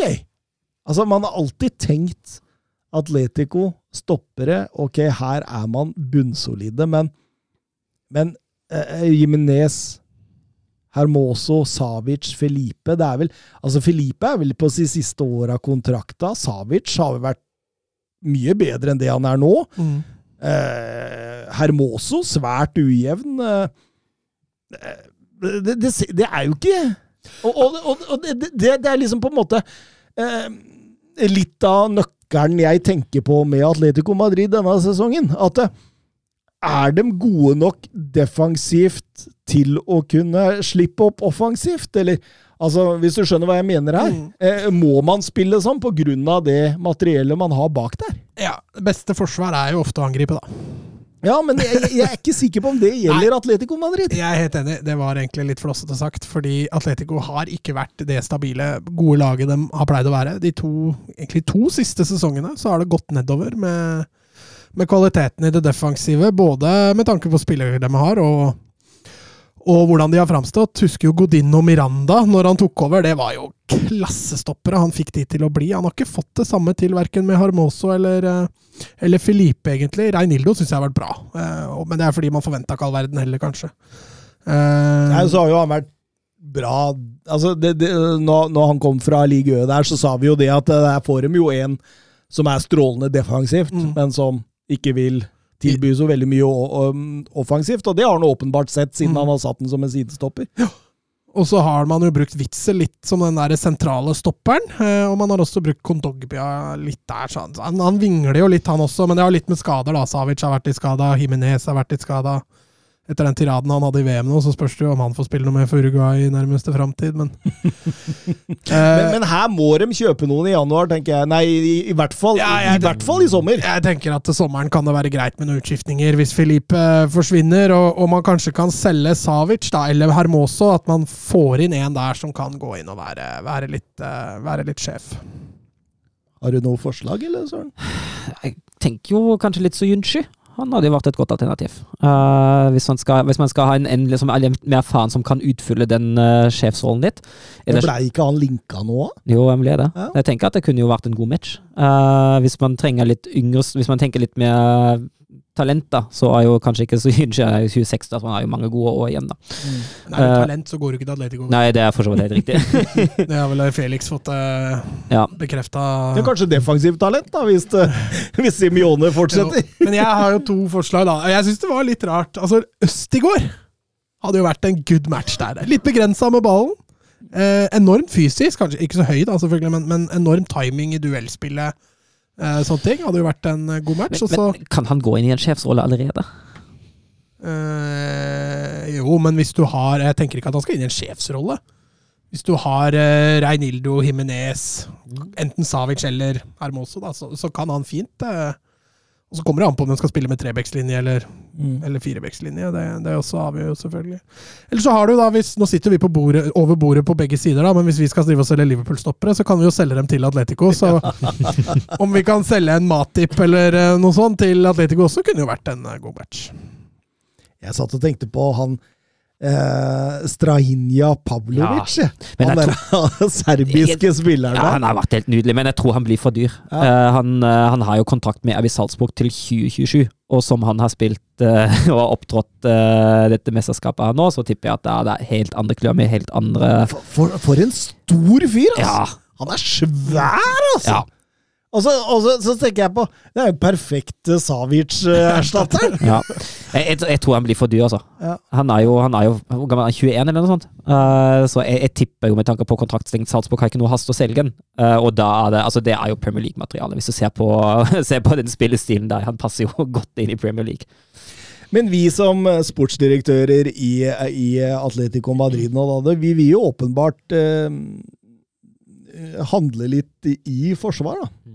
Både bekker og stopper og Ja, for nå må vi jo ta høyde for at det er Simione som trener dette laget. Så å forsterke den offensivt, det er ikke noe poeng, for de får ikke spille allikevel. Nei, altså, altså tenk, altså, Hvis man ser på den troppen som Atletico Madrid har, så sånn rent kvalitetsmessig og Det er ikke dårlig det de har i de offensive rekkene i det hele tatt. Jeg, jeg, jeg, jeg, jeg tror det handler mest om å sette det inn i et system som fungerer, enn spillermateriale.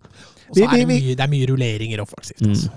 Vi kan eh, kjøre sentral midt, da. Kong Dongbia, Witzel, DePaul, Kåke og San Liges. Ja, Marcos Roy- Royente Royente. Ja, ja, ja, Royente ja, er jo egentlig best sentralt, da, men jeg er enig, han har jo spilt mye kant. jeg, jeg har tatt med en flik her som heter breddeholdere eh, mitt, og da, da Jorente, Lemar, Carasco og Angel Correa. Ja, det, det, er jo, det er jo god kvalitet. Det er strålende, Det, faktisk. det, er, det er gode spillere. Det er, altså, det er også godt balansert. Eh, du har, du har Kondogbia og Witzel som er de stabiliserende som kan utfylle den parten uh, godt, begge to. Uh, og så har du, har du sentrale spillere, du har kreative spillere. Du har, du har egentlig alt fra en klassisk indreløper, en klassisk boks til boks, til en kreativ skapende. Ja, offensivt også er det jo Jeg, jeg, hvis jeg hadde jeg har ikke veldig sans for Kondombia, og så syns jeg også Witzel begynner å trekke på. Så jeg, jeg ville prøvd meg på f.eks. en Onana i, i, i Everton. da. For eksempel en sånn ung eh, fredag kommende mm, Eller for Fana i, i Lance. Ja, for eksempel. Ja. Jeg, tror- jeg tror han blir billigere. Han blir nok billigere. Men, men jeg, jeg, jeg syns Kondombia har underprestert i mange år. Jeg, jeg, Men jeg syns i år har det ikke vært så ille. jeg, jeg, jeg får aldri tak på han, jeg, for å være helt ærlig. Jeg får aldri tak på han. Jeg syns han har Han han nådde maksa, var han Han, han maksa vel i Sevilla, Ja, og så daua han i Inter, og så har han prøvd å gjenopplive det i Atletico. Altså, I Valencia, var det kanskje. Ja, Valencia først, ja. Så, nei, han, Kondogbia har nok sett sine beste dager, det er jeg enig i, men jeg syns han har hatt en opptur denne sesongen. Så går vel Thomas LeMar sin kontrakt ut. Jeg Mm. veit ikke åssen ståa er der. jeg. Har spilt veldig lite i år. Mm. Eh, litt skada. eh, men eh, ja, han, han slo jo heller aldri gjennom. Var jo et av storkjøpa til Atletico som, eh, Og det er samme med Felixen. Altså Du ser disse dyre kjøpa de gjør offensivt. De får de altså ikke til. altså. Men i utgangspunktet, det som i og rundt midtbanen, da, der vil vi ikke nødvendigvis bruke penga nå. Det er ikke, det er ikke første byggeplass, nei. Nei. Eh, angripere Alex Bjørkan. Hvor bra synes dere Joao Felix er, og hva er hans beste rolle? Mats har vært inne på det. Jeg syns han er best når han kan være en eh, second striker. Eh, når han kan spille rundt, eh, rundt en annen spiss. Han er jo veldig god på Uh, på å finne rom, på å vandre litt. Uh, på å være litt sånn link-up mellom midtbane og angrep. Uh, jeg syns i den rollen fungerer han veldig godt. Samtidig har han jo han har jo for all del også mål i seg. Det har han jo vist i den veldig gode perioden for et år siden, før han ble skada. Um, hvor god han egentlig er. Jeg, jeg føler at det som er hovedproblemet med Felix, er stabilitet. Uh, han har vist at toppnivået hans Uh, og igjen refererer jeg til den uh, veldig gode perioden i, i våres i år. Uh, toppnivået hans, det er fremragende. Men det å få det på banen stabilt over en lengre periode, det har vært en utfordring. Om det var skader, om det er fordi han har blitt, uh, som nevnt, kasta under bussen. Et eller annet har det alltid vært. Uh, og det er deg man må gjøre noe med at uh, bunnivået er for lavt, og det må bli stabilere på, mer stabilt på toppnivå. Ja, så ser du, altså, Han går jo rett inn på Portugal, liksom. Portugal har, ikke, Portugal har en del offensivt å komme med, altså, men han, han går rett inn der. så at, eh, at dette er en klassespiller, det, det er jeg ikke i tvil om engang. Men, men det er som Søren sier, altså hvis han Han fører ball som kaka. Ja, ja, ja. Det er så deilig. Mm. Og så er det, er noe, det er noe trøkk og power in når han kommer innafor boksen òg. Altså, det er et sluttprodukt der, hvis man klarer å bruke den. Jeg, jeg tror den klubben som Hvis noen klarer å hente den ut i sommer, jeg tror den får en enorm opptur. Mm. Jeg tror han vil liksom La oss si han kommer til Manchester United, Manchester City, en av disse som er ute nå, og, og, vil han. Vet du hva? Det sky is the limit, altså. Mm. Eh, Så god er han. Ja, Jeg er helt enig med deg. Altså, han spiller i feil klubb. Eh, han, han lider under det. Um, men ja, som jeg sier, altså, han har gått rett inn på Portugal. Der spiller han jo en venstre kantrolle. Så jeg, jeg også mener det at eh, i en, en 4-4-2, da, hvor han kan vandre litt rundt en, en klar nummer én-spiss, tror jeg han hadde vært best i. Hvis ikke så er det å spille en fri kantrolle. Da. En venstrekant hvor han kan dra seg inn. Eh, jeg tror kanskje det er det beste.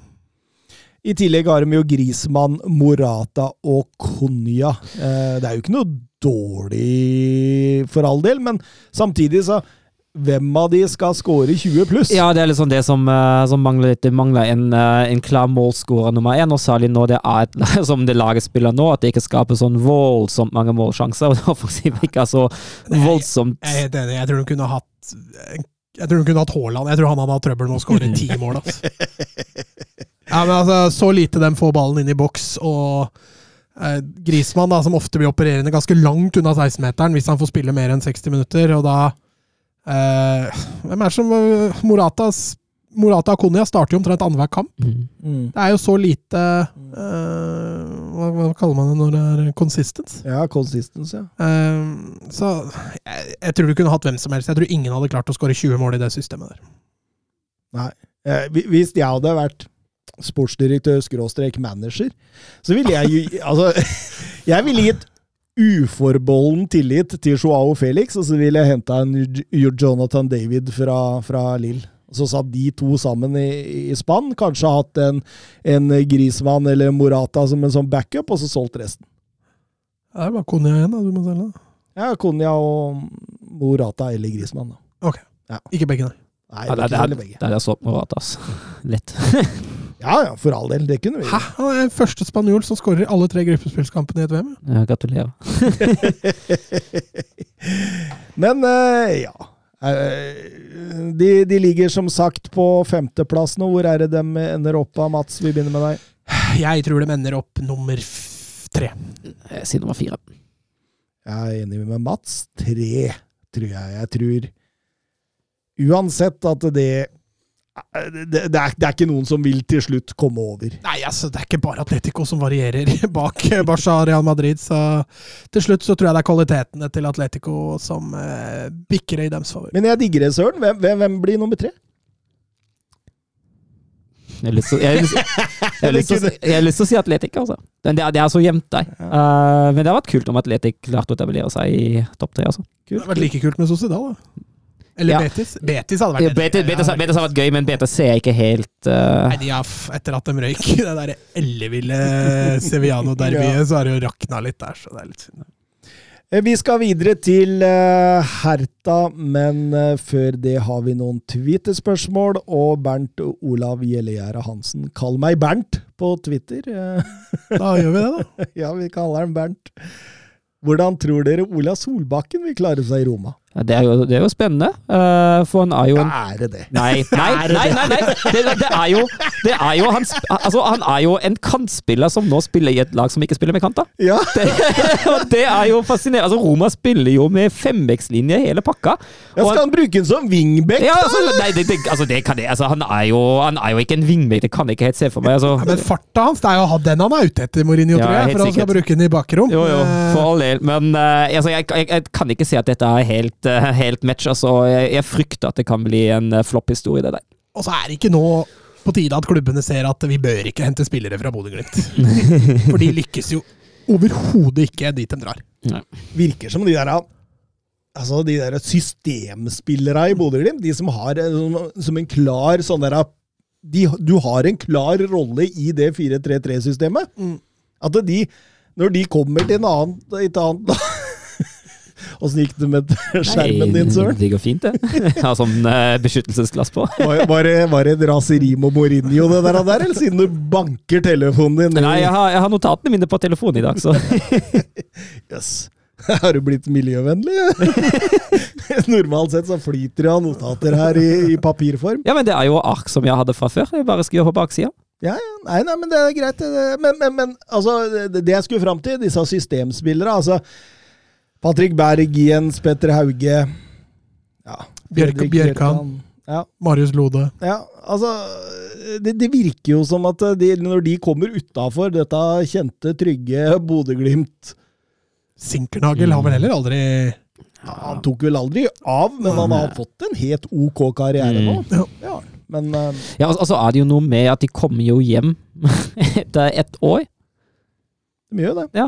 Og det er, det er jo ikke helt, eh, helt bra, men jeg er jo enig med deg at eh, det virker sånn at eh, de trenger litt sånn akkurat det systemet som de har satt i. Sterk signering de gjorde av Omar her, da. Mm. Det er sterkt. Han var 30. Ja, men hvor mange millioner får han da? Nei, det er sikkert ganske mange. Mm. Altså er det jo ikke Ja, nå lot de jo Samsted gå, da, men øh, det er jo egentlig venstrebekken det trykker mest på en Mm. signering der. Men nå skjønte jeg de var, prøver, prøver så godt de kan å hente en Bjørkan nå, så har de, har de snart alt tilbake igjen. Vebjørn Fredheim. Moldes Fofana, fremtidige Oshimen. God match med Brighton, eller eh, er han god nok for å gå inn i Premier League, eller er det mer fremtid? Jeg tenker det er mer fremtid. Eh, Han har jo vist lovende takter i Eliteserien. Han har skåra 15 mål denne sesongen, her, og det er jo det var ganske bra. Eh, Men han er, han, jeg syns han bærer litt preg av at han er uferdig, og det gjelder først og fremst eh, litt sånne taktiske smartheter, decision making og det der. Han er ikke helt der. Eh, At han kan bli det gjennom, Men, men, men gjennom jeg har ikke sett for mye av han. Er han veldig Oshimen, eller? Han er jo en liten kraftpakke Ja, med stor men- hurtighet og kanskje best i bakrom, men ja, han er god med ball. altså. ja, han er det. Han er det. I hvert fall i Ja. eliteserienivå. Ja, ja, ja. eliteserienivå. Så få han rettvendt i mellomrom, og han kan Mm. sette fart, det er livsfarlig hver gang. Ja. Eh, Så vi får se. Jeg tror heller ikke, altså Hvis Brighton kjøper han, så er det så tror jeg er en god signering. Men Mm. jeg tror ikke du skal kaste inn han med en gang. Når det er sagt, så er vel ikke Brighton kjent for gode spisser i øyeblikket. Så det er jo kanskje en veldig god signering å ta, fordi for faen, Fofana vil jo antageligvis få muligheter der. Mm. Mm, mm. Ja, absolutt. Eh, Jeg hørte Molde skulle ha over 100 millioner. Ja, ja. Skal ha det. Ja, Det, er- det er jo småpenger for Brighton, det. Ja, det er akkurat det. Altså, du vet jo at det kommer en Premier League-klubb som vil ha han, og så er han ung, eh, lovende, og da er det jo lett å cashe inn litt. Altså. Ja, ikke sant? pund, liksom. Ja. Ja, det, Lett å cashe inn litt, jeg skjønner jo det. Ja, det er jo Men, Det var det de fikk inn på kiosksalg forrige hjemmekamp. men jeg Men, men Ja. Brighton? Ja, jeg liker tanken. Jeg liker tanken. Ja, det, det er sånn, det er sånn altså, altså, med, altså med tanke på hvor faen er det, det er sånn smart overgang, da. Men de har jo ikke hatt en spiss omtrent som har prestert i Brighton siden Lenge før de rykka av. ja, altså Welbeck har vært bra der, det skal sies. Jo, men men, han er ikke noe 20 mål nei, pluss. han er absolutt knapt ikke. nok fem mål pluss, han. Fredrik Konradsen ønsker en kommentar eller to rundt det som skjer i Juventus. Og der, Mats, der kom det store, store nyheter! Ja, der har det vært enorme omveltninger nå. Et helt styre som har, eh, har forlatt sin eh, posisjon, så det er eh, Nei, det er, altså hvis det ikke var en kaosklubb fra før, så er det tatt fullstendig av nå. Men jeg, altså min første reaksjon er jo at ja, det er kanskje litt kjedelig for klubben akkurat nå. Dette har noe man må komme seg gjennom, og, være, og at hele styret takker for seg. Det er, det er jo aldri et godt tegn. Uh, men jeg har jo ment for noen episoder siden at det som Juventus egentlig trenger, er en restart. Og nå har de fått den gylne muligheten. Nå har de muligheten til å løsrive seg litt sånn fra fra denne gammeldagse varemåten som jeg føler har overskygget egentlig hele klubben, uh, helt, til, helt ned til laget. Uh, når de har kommet seg gjennom dette her nå, har de muligheten til å bygge nytt, og har muligheten til å endelig bygge en moderne fotballklubb med et moderne fotballag.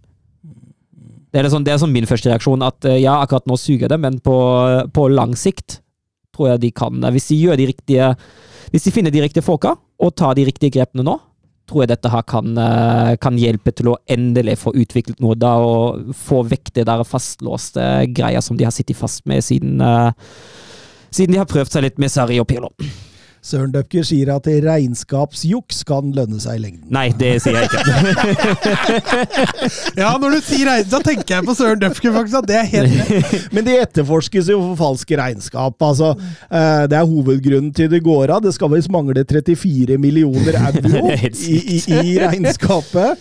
De Det er tre videre forfaner, det. Ja, det er det. De, de mistenker videre for å ha gitt falsk informasjon til investorer, eh, opprettet ikke-eksisterende transaksjoner, kunstig verdi på spillere, og, og, og alle detaljene ligger jo ikke der. Men Ja, det- blant annet skal jo det være noe lønn til Ronaldo som ikke Ja. er bokført, og, Ja, og, og det- og litt sånn forskjellig. Og da er jo det store spørsmålet er jo i hvilken grad straffes enkeltpersoner for det, og i hvilken grad straffes klubben for det. Uh, hvis klubben får seg enda inn i sekk nå, det er jo en eh, klubb som ikke er velsignet med store økonomiske midler, for å si det mildt, uh, så kan jo dette sette klubben i en utrolig vanskelig situasjon. Uh, hvis det går mest på enkeltpersoner som har utført dette ja, bedrageri, det er jo det deg, er, så er det jo spørs, da.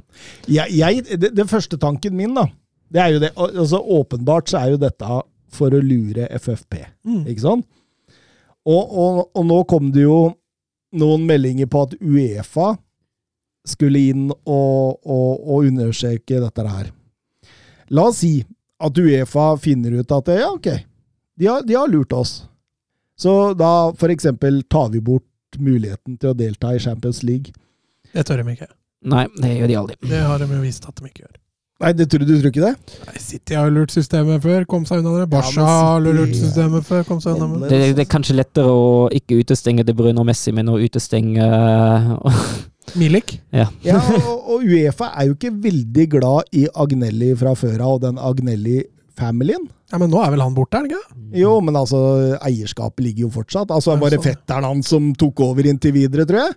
Flaks da, at fetteren var der. fetteren var der på plass! Ja, kjempeflaks, da. For Eh, og og jeg, jeg tenker jo det, Juventus kommer til å presentere tallene sine i budsjettet nå om en uke eller to. De skal ligge på 250 millioner euro i minus. Eh, Det var det krise.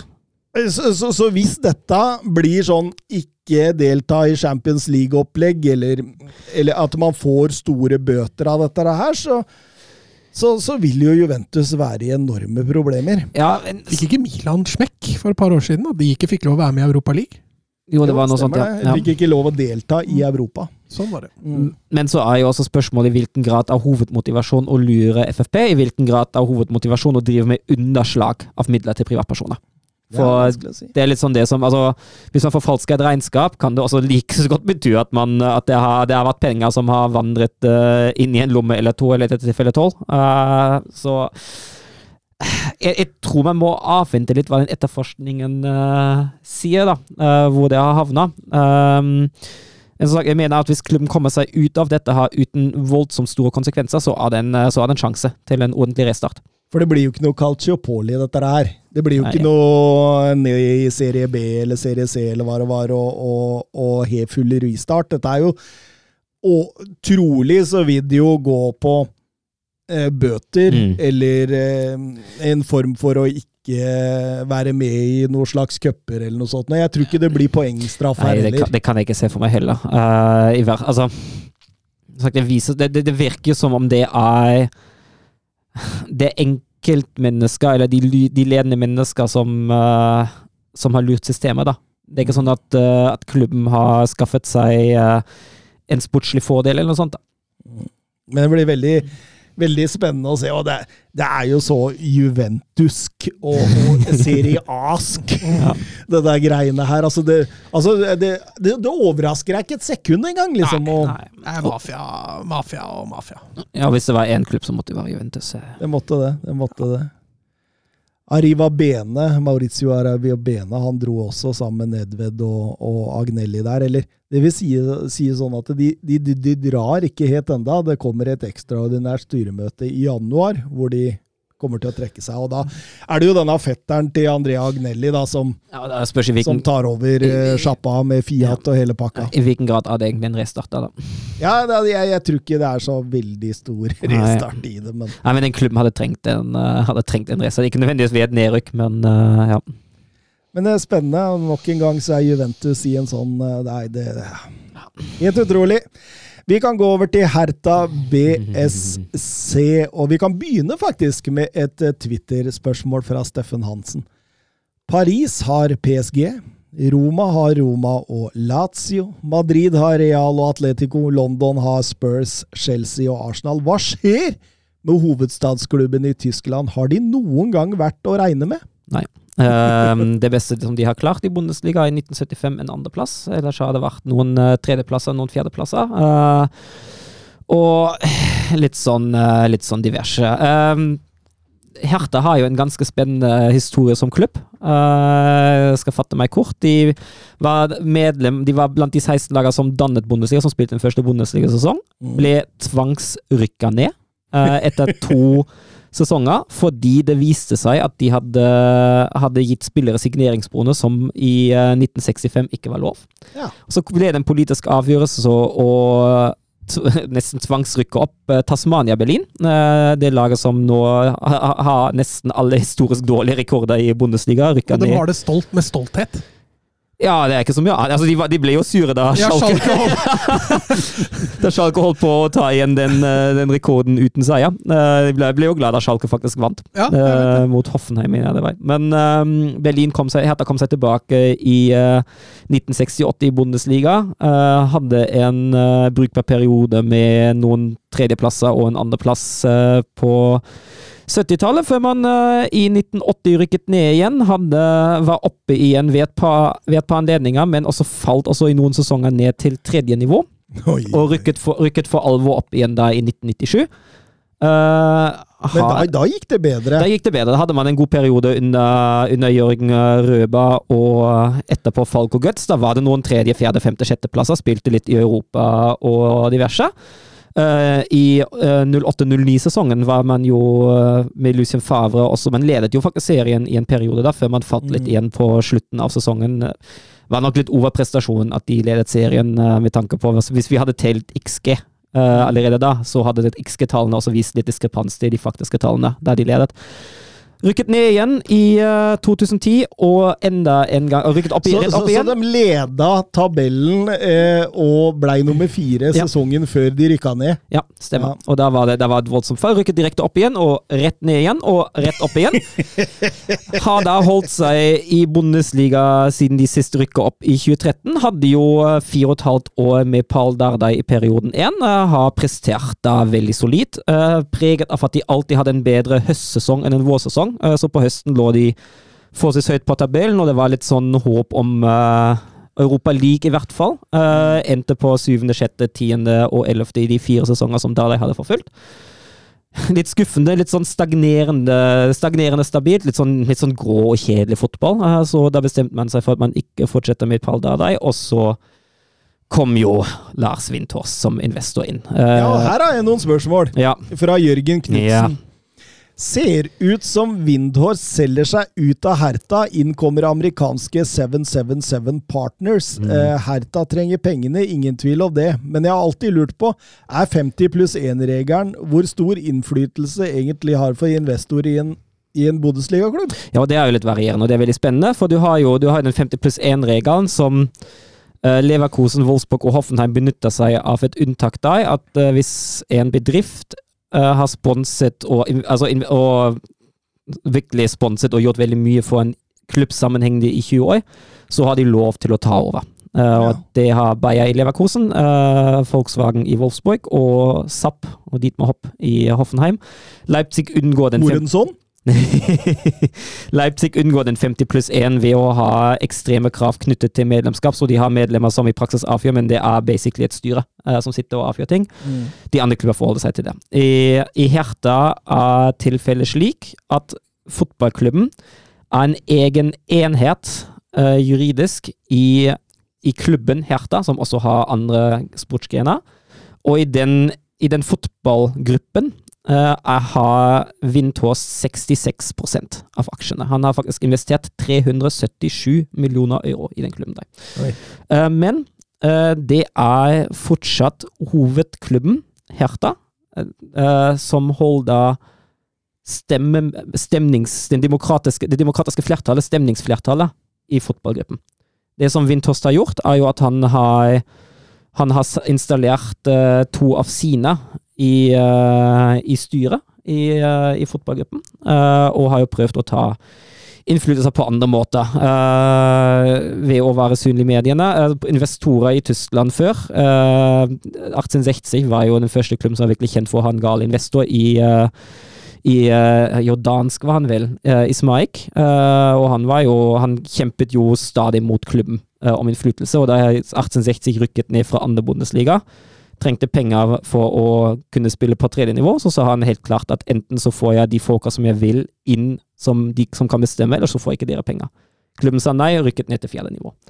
I Hamburg, som har hatt uh, Kune, har han prøvd å, å presse fram eh, krav eh, som er knyttet til pengene han gir. Nå vil han gi 120 millioner euro til klubben, men det er knyttet til at han får sine folk inn i styrende organer i, uh, i klubben. Og det, er de, det er på de måtene da investorer gjerne prøver uh, å ta innflytelse. At de presser inn krav, at de knytter de pengegavene de har, uh, til visse krav. Type at hvilke spillere som skal signeres, at de kan ha noe å si det, at de får sine folka inn i styrende organer og alt det der. Men jeg skjønner jo det. Hvis du kommer med en haug av penger inn, Mm. så vil du ha en viss Altså, du vil ha en viss eh, påvirkningskraft på hvor de penga skal ende. Jo, men eh, det har jo gjerne vist seg at eh, de, de tre eksemplene nå uh, Ismaik i 1860, Kune i Hamburg og Windhorst i Herta. Det er jo tre eksempler som er knyttet til sportslig, sportslig daling. Uh, et mediesirkus uten like, og stadig uro i de tre klubbene det gjelder. Uh, og det det viser seg jo at det ikke fungerer. Nå gikk jo Herta valgte jo, valgte jo en ny president, eh, og det ble, ble Bernstein. Og det, er- det som var spesielt med ham, han er en tidligere ultras. Ja. Eh, så han er jo, han er jo en supportende mann. Mm. Eh, og det er nok ikke et valg som eh, smakte sånn supergodt for eh, godeste Windhorst, uh, investoren der. Og ja, eh, det er det, det, nå, nå selger han jo. eh, det har nok aldri vært eh, et ekteskap som har vært preget av lykkelig samarbeid, for å si det sånn. The Big City Club. Ja, det var- det har vært, det har vært galskap fra, fra start til slutt. Jeg kan, kan litt, gå litt nærmere inn i den nærmere historien fra Herta òg, for den er litt viktig til å forstå i hvert fall sommerens overgangsvindu og situasjonen klubben sitter i nå. Um, men det har vært preget av stormannsgalskap, av krig, av uh, tvilsomme figurer som Jørgen Klinsmann og Jens Lehmann uh, inn uh, i fotballgruppen, inn i styret, inn på trenerposisjon. Uh, har vært mye rart i Herta etter at Winters kom.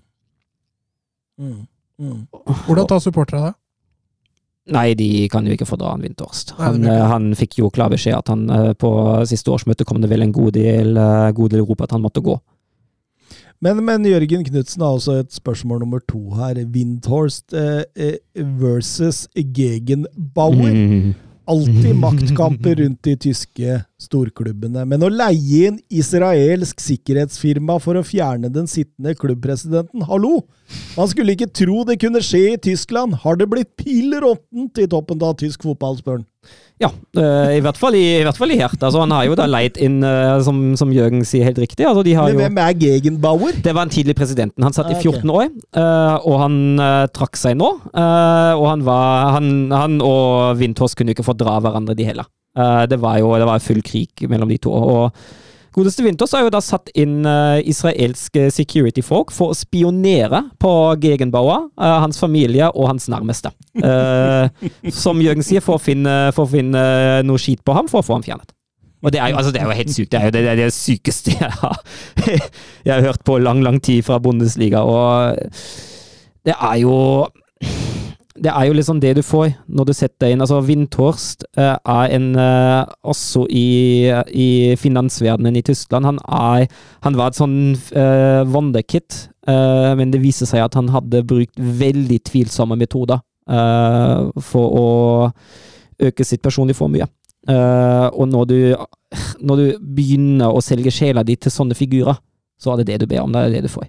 Men de henta jo under Windors ganske gode spillere. Tossar, eh, Pjontek, Lukebakio, Konya, Cordoba. Det var jo, det var jo satsing der! Ja, men da, da, da er problemet man har, man har henta spillere. Uh, altså, Trossa har vært god, for all del. Uh, Lukebage blir jo først god nå, denne sesongen her. Nå er han jo livsforsikringa til Herta. Uh, Pjontek var jo skandale fra A til Å. Uh, Cordoba har vel aldri utfolda sitt hele potensial. Uh, og det som er jo utfordringa med det, er jo at man har henta forholdsvis middelmådige spillere til altfor dyre penger, uh, og har utstyrt dem med altfor høye lønninger. Og det er sånn de um, Det deg eh, Altså, jeg sa jo han har investert 377 millioner, 77 millioner euro i Herta. Det er helt vilt! og de pengene er borte. Herta er blakk. Eh, og Hertha prøver nå det spør... Altså, den, den sommeren her uh, Vi skal inn på sommerens overgangsvindu, og da Bobic, uh, sportssjefen, han var tvunget til å, til å skape et overskudd på overgangsmarkedet. Uh, og det er ikke lett når du nettopp har berga plassen etter kvalik. Det er ikke spillerne dine nødvendigvis super superettertrakta, altså. Uh, og det som de sitter nå, de spillerne de vil bli kvitt nå, det er folk som Sifoik, uh, som Darida, eh, som sitter på skyhøye lønninger. For de kom inn i den perioden da Vintor styrte og Hertha bare splæsja penger i alle retninger på middelmådige spillere. Og de blir man ikke kvitt nå. Og så kommer jo i tillegg den der uh, ustabiliteten og dårlige ansettelser på trenerfronten. Ja, for det har heller ikke imponert. Det har vært fryktelig. Altså, Ante Czovic, greit, man prøvde seg med en, med en ny, med en ny Darda i anførselstegn. Eh, Det er lov det at man har et talent i klubben som man mener kan kanskje fungere, hvis det ikke fungerer. Men altså, Klinsmann, eh, Nori Lab- Labadia, Korkod altså Magat? Magat, ja, Magat. Magat, måtte jo inn og redde Dardai kom jo tilbake og, og, og redda skuta. og eh, det har vært, det har vært mye, mye rart, altså. Og det har ikke vært en, eh, en klar plan i den klubben. Det er sånn planløst. Uh, samtidig stormannsgal, uh, Stick og Big City Club. Uh, og i kombinasjon med å bare splæsje ut penger fordi man mener at uh, dette har dette er noe som vi har nå, nå kan vi splæsje, eh, og ikke tenke på framtida. Det er en fryktelig dårlig kombinasjon. og det, det i kombinasjon har da sørget for at klubben står der de står nå. 777 Partners, som også har andeler i Sevilla. Blant annet Standard Liège har de, eh, CFC Genoa ja. Ja, Røde Stjerne, Mm. Vasco da Gama, så de vokser i fotballmarkedet, de. Ingen tvil om det. Og Og han sportssjefen i, eh, i den bedriften, han er tysk, og han eh, kjenner godt til Bundesliga.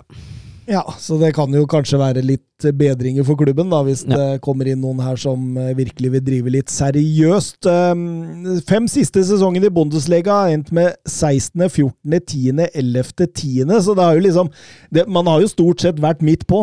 Mm, midt på minus. Midt på minus, ja. Og, ehm, og selv om man ikke ligger sånn voldsomt bra an nå, så, så, så har vi jo i hvert fall spillermateriellet for, å kunne, for å kunne redde dette i hvert fall inn. Vi kan, har de ikke det, Søren? Ja, det har de. Eh, Det er, det, det er mye middelmådig. Um, men det er på en måte middelmådig nok til, til at det kan gå uten at de, at de havner på nedrykk. Vi kan jo ta sommer... Og, du var jo så vidt innom sommervinduet her, og, og at det er årsaken til, um, til all maktkampen som har skjedd. Det var, det, det var, jo ikke voldsomt mange millioner som ble brukt i sommer. Nei, og det var jo, det skyldtes jo at uh, man, har jo, man har jo solgt uh, Meia Eklenkamp, uh, Del Roson, Toran Riga, Boyata og og Løven får til sammen rundt 20 millioner euro. Og, og fått ut litt lønninger òg, da. Ja, ja, ja, og det var jo viktig. Og så har man jo brukt eh, 6,5 millioner euro på Kanga, eh, Ngankam og Rogel, eh, i tillegg til noen gratis overganger. i Oremovic, Boetios, John Joe Kenny, eh, Ijoke og Sonjic på lån. Joke fra Vålerenga-tida? Ja, tidligere. Eh, kom fra Schwarzberg litt preg. Han har jo henta både Oremovic fra Rubin Kazan og Joke fra ZSK Moskva. Han bærer litt preg at han har, han har vært trener i Dinamo Moskva og kjenner den russiske fotballen godt. Mm, mm. Eh, sesongen så langt, det var jo en trang start. Kom ut eh, av DFB-pokal ved første mulighet etter eh, tapt straffesparkkonkurranse mot Eintracht eh, Braunschweig. Vant bare én kamp fram til 23.10. Tapte også Berlin Derby mot Union, og kunne jo bare se at lillebror egentlig stakk av og gikk fra seier til seier. og man har jo sett litt bedre ut i november og fram mot mm. VM-pausen. Uh, man slår bl.a. Schalke og, og, og, Köln og taper knepent mot Bayern München. Ja, men det, det bare litt sånn prek med, med den Hertha-sesongen nå, at de har, av de kampene de har spilt, de 15 uh, De står med tre seire, fem uavgjort og sju tap. Men kun tre av de kampene, både seier og tap, har vært med to måls forskjell. Ellers har det vært ettmåls forskjell hele veien, så det har vært uh, de har, de har sjelden blitt ordentlig slakta, og de har sjelden ordentlig dominert. Uh, det har vært midt på uh, minus minus, men uh, sånn ordentlig slaktelag er det ikke. Vi kan jo gå gjennom stallen. Keepere Oliver Christensen, Kjark Ernst og Rune Jarstein. Det er vel ja, sistemann på vei ut, så det, synger etter. Det er man kan spille nok aldri for, for klubben uh, igjen, men Christensen har jo vært, uh, har vært god. Uh, har det åpna søksmål ja, det har vært uh... nå, nå, er det noen voldsomme greier. Han går ikke ut med flagget til topps i, i Herta, Mats. Nei, han, han, han blei ordentlig forbanna òg når han kom tilbake fra skade. Fikk jo en sånn redebut når han var tilbake skade, var vel covid-19. Ja, han hadde jo alt. Han var skada og syk i ja. tillegg. Han, han, spilte jo ikke på over et år. Ja, Og så fikk han bare beskjed om at du er ferdig, og da ja, han, hadde vel, han hadde vel en biff med keepertreneren. Mm. En voldsom en òg. Ja kontrakten terminert. Det godkjente ikke Rune Jarstein og tatt det for retten. Mm. Ja, og han, han, kontrakten går jo nå ut til sommeren uansett, så det ender jo sikkert med at han får litt penger. Han får litt penger. Ja, ender med det... at han forlenger, tenker jeg. Men, Men, Oliver Christensen, unge danske, ja, er med i VM-troppen? Ja, og han har, han har, gjort sakene sine bra. Altså, han, han mangler litt stabilitet. Uh, han har hatt noen blemmer, for all del. Uh, men uh, jeg syns jo han har prestert bedre enn en keeper som, ligger, som får en klubb som ligger på femteplass. Uh, toppnivået hans er han har vært en stort sett trygg siste skanse for Herta. Så han, han er god, han er bare 23 år gammel, så han mm. kan man fint utvikle videre. altså. Og så kommer Becker, og her er det mye ah, rart. mye rart ja. Eh, John Joe Kenny, eh, Sefuik, eh, Pekarik, som er vel på utgående. Ja, 36 år gammel òg. Ja. Eichberger, en unggutt. Eh, mm. Ulrich, en unggutt. Samt eh, Middelstedt og Plattenhardt. Ja, og Middelstedt og Plattenhardt er jo de som uh, spiller på venstrebekk. Uh, på høyrebekken er det stort sett John Joe Kenny som har fått, uh, har fått tillit, og den kvaliteten er rett og slett for dårlig. Og det gjelder i begge retninger. Uh, Særlig på venstre. Jeg syns John Joe Kenny, OK minus, uh, fungerer helt OK. Er ikke den største byggeplassen, men Plattenhardt og Mittelstedt, må man gjøre noe, altså. Uh, jeg syns det er fryktelig svart. Uh, begge to er også på utgående kontrakt. Mm. Um, og det gjelder jo det gjelder som sagt både det offensive og defensive. Plattenhardt er jo, er jo dødballstakeren i klubben i tillegg. Det var jo han som, som bidro stort til at klubben redda seg mot HSV i kvalik. Men nå står han altså med to assist. Uh, John Joe står med ett assist, og det er det de har av målpoeng fra bekkene. Så de må ut og hente bekker? Ja, jeg syns det. Uh, og som sagt, jeg hadde hasta mest på venstre. Så er jo problemet de er blakke. Uh, den klubben har ikke penger. jeg har funnet noen som jeg mener man kan prøve seg på, men ja. kvaliteten blir jo det etter. Men er det ikke greit da å hente fra Bossmann, eller? Ja, og da er det jo én som kjenner Bundesliga godt, som blir Bossmann nå, som allerede nå kommer til å kunne gå hvis det kommer et OK tilbud. Til og, kan til og med hende at han slippes uten vederlag, og det er Jerome Rosenjord i Wolfsburg. 29 år, har spilt eh, da han kom, spilt en fantastisk debutsesong og har siden aldri helt uh, klart å følge opp, og er nå bare reserve i klubben. Kontrakten går ut, blir ikke forlenget. Uh, men han kan man faktisk allerede nå få. Uh, så kan man se hvordan det går med ham. Han er nok ikke helt, helt, helt uttrent rent fysisk, men jeg mener at han er bedre enn det som er der nå. Men, men, men, men bør ikke jeg, jeg, jeg tenker jo sånn Herta ligger an nå. Så er det jo det med at de har fått inn Triple Seven Partners, hele pakka der. Uh, Nei, den de stallen ikke- stallen, den, ja, det, det er vel på vei. det er på vei, Ja. men det spørs om det skjer. Men, men, men jeg, jeg tenker jo her må man begynne litt på nytt. ja. Og, og, og, og jeg tenker jo at man burde prøve å klare å, å, å hente litt ungt, jeg, da. ja, og da har jeg jo også en, men den får du trolig ikke nå i januar. Den er Viktor Kristiansen i FCK. Uh, Ja. Det er en eh, dansk U21-landslagsspiller. Uh, aggressiv både med og uten ball. Uh, offensiv. eh, god offensivt og defensivt. Blir regnet til å være et stort talent, men har stagnert litt nå i FCK. eh, men han ligger jo også i en eh, Ja, du har han det òg, ja. Jeg har sett på han, jeg. er Litt sånn Joakim Mele ja, light. ja, ja, ja. Eh, og han ligger jo i en prisklasse som absolutt bør være mulig for Hertha å hente. Og jeg kan fint se for meg at han kan, eh, kan gjøre en god jobb i klubben om han får litt ham, ham litt i gang igjen. Altså. Mm. Så eh, jeg tenker at han hadde vært en fin mulighet. Ja, ja, samtidig så har jeg mulig å kunne få henta Tom Råte fra, fra Dortmund. Mm. Ser jo ut som Altså, det, det virker jo som det er lang vei fram ja, for, for Tom Råte, så, så mm, syns han har sett bra ut begge veier. Mm. Eh, og så har jeg Augustin Guay. Mm. 18-årig backtalent fra de Graden i San Lorenzo. eh, Er fast inne der nå. U-kamper for Argentina. Og jeg, jeg tror at man kan hente ut han ganske greit. Ja, det bør jo være mulig. Og det er, det er jo tre spillere som bør ligge i prisklassa til, til Hertha òg. Ja, jeg tenker det. tenker det. Og, og, og som gjør at også du kan slippe disse her uh, Sefoik, Pekarik, Ja, jo- ja. Plattenhardt. Du Ja, kan slippe de der. Ja, av deg. Skal jo uansett ut når han eh, Er det bare, er det bare Bossmann-spillere dere nevner nå, eller er dette spillere dere må kjøpe? Nei, det er, det er litt Må bruke litt penger, men det er, det er liksom Vi snakker, vi snakker under 10 millioner euro, trolig. Har Hertha det? Mhm. Har det? Det kommer jo an på hva som skjer med de 777. Da.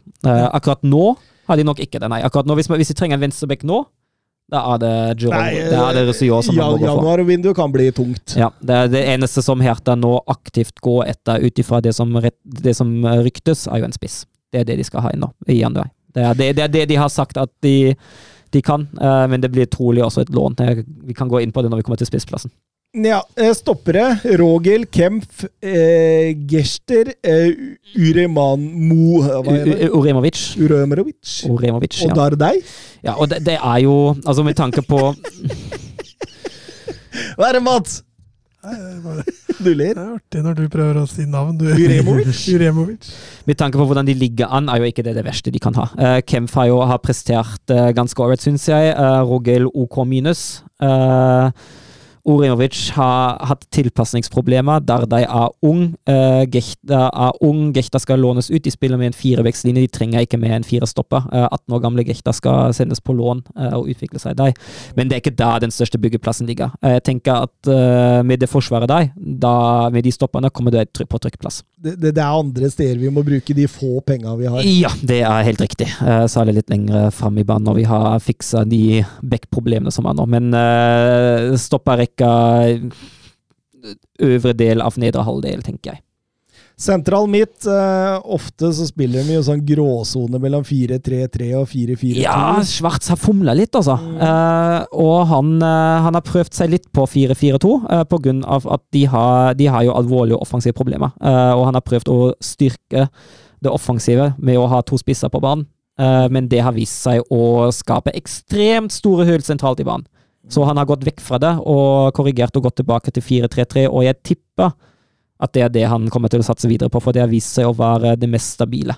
Og da har de jo brukt ofte Ivan Sunjic, som er på lån fra Birmingham. Ja, som, som den, uh, Som som den sånn dyptliggende ja. Og han, han har gjort jobben, uh, han har gjort jobben helt greit, altså. Og Tosar og Serdar på hver sin indreløper, og da eh, Det er en OK treer, det. Ja, og Sali Tossa syns jeg har vært eh, et av de få lyspunkter som Hertha har hatt. Også. Han, han, har vært, han har vært grei, og Seda har også vært brukbar for alle. Det er det er ikke dumt. Og så har man jo Joe Paul Boetti som uh, som en grei backup, da, også i tillegg til Darida, som man vil kvitte seg med, og gamle Kevin Prince Boateng.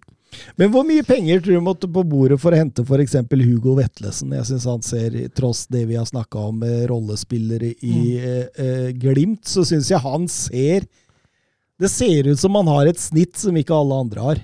Ja, men jeg tror Vetlesen også blir ikke billig å hente han. At Glimt skal ha noe særlig mindre enn 60 ja, ja, kontrakten, år, kontrakten går jo ut i 2023, da. Så det, men Glimt har jo tviholdt på Ola Solbakken. Da. De hadde jo mulighet til å få mm. noen millioner for han, men de valgte å ruge den helt ut. Så det kan mm. jo hende de velger å gjøre det samme med Vettelsen. Mm. For det kunne jo vært en spiller som kunne gått inn uh, Ja, særlig med tanke på det offensive, uh, og styrke litt der. Uh, det hadde vært en, en brukbar signering hvis han hvis han klarer å, å spille noenlunde likt som han gjør nå i Eliteserien.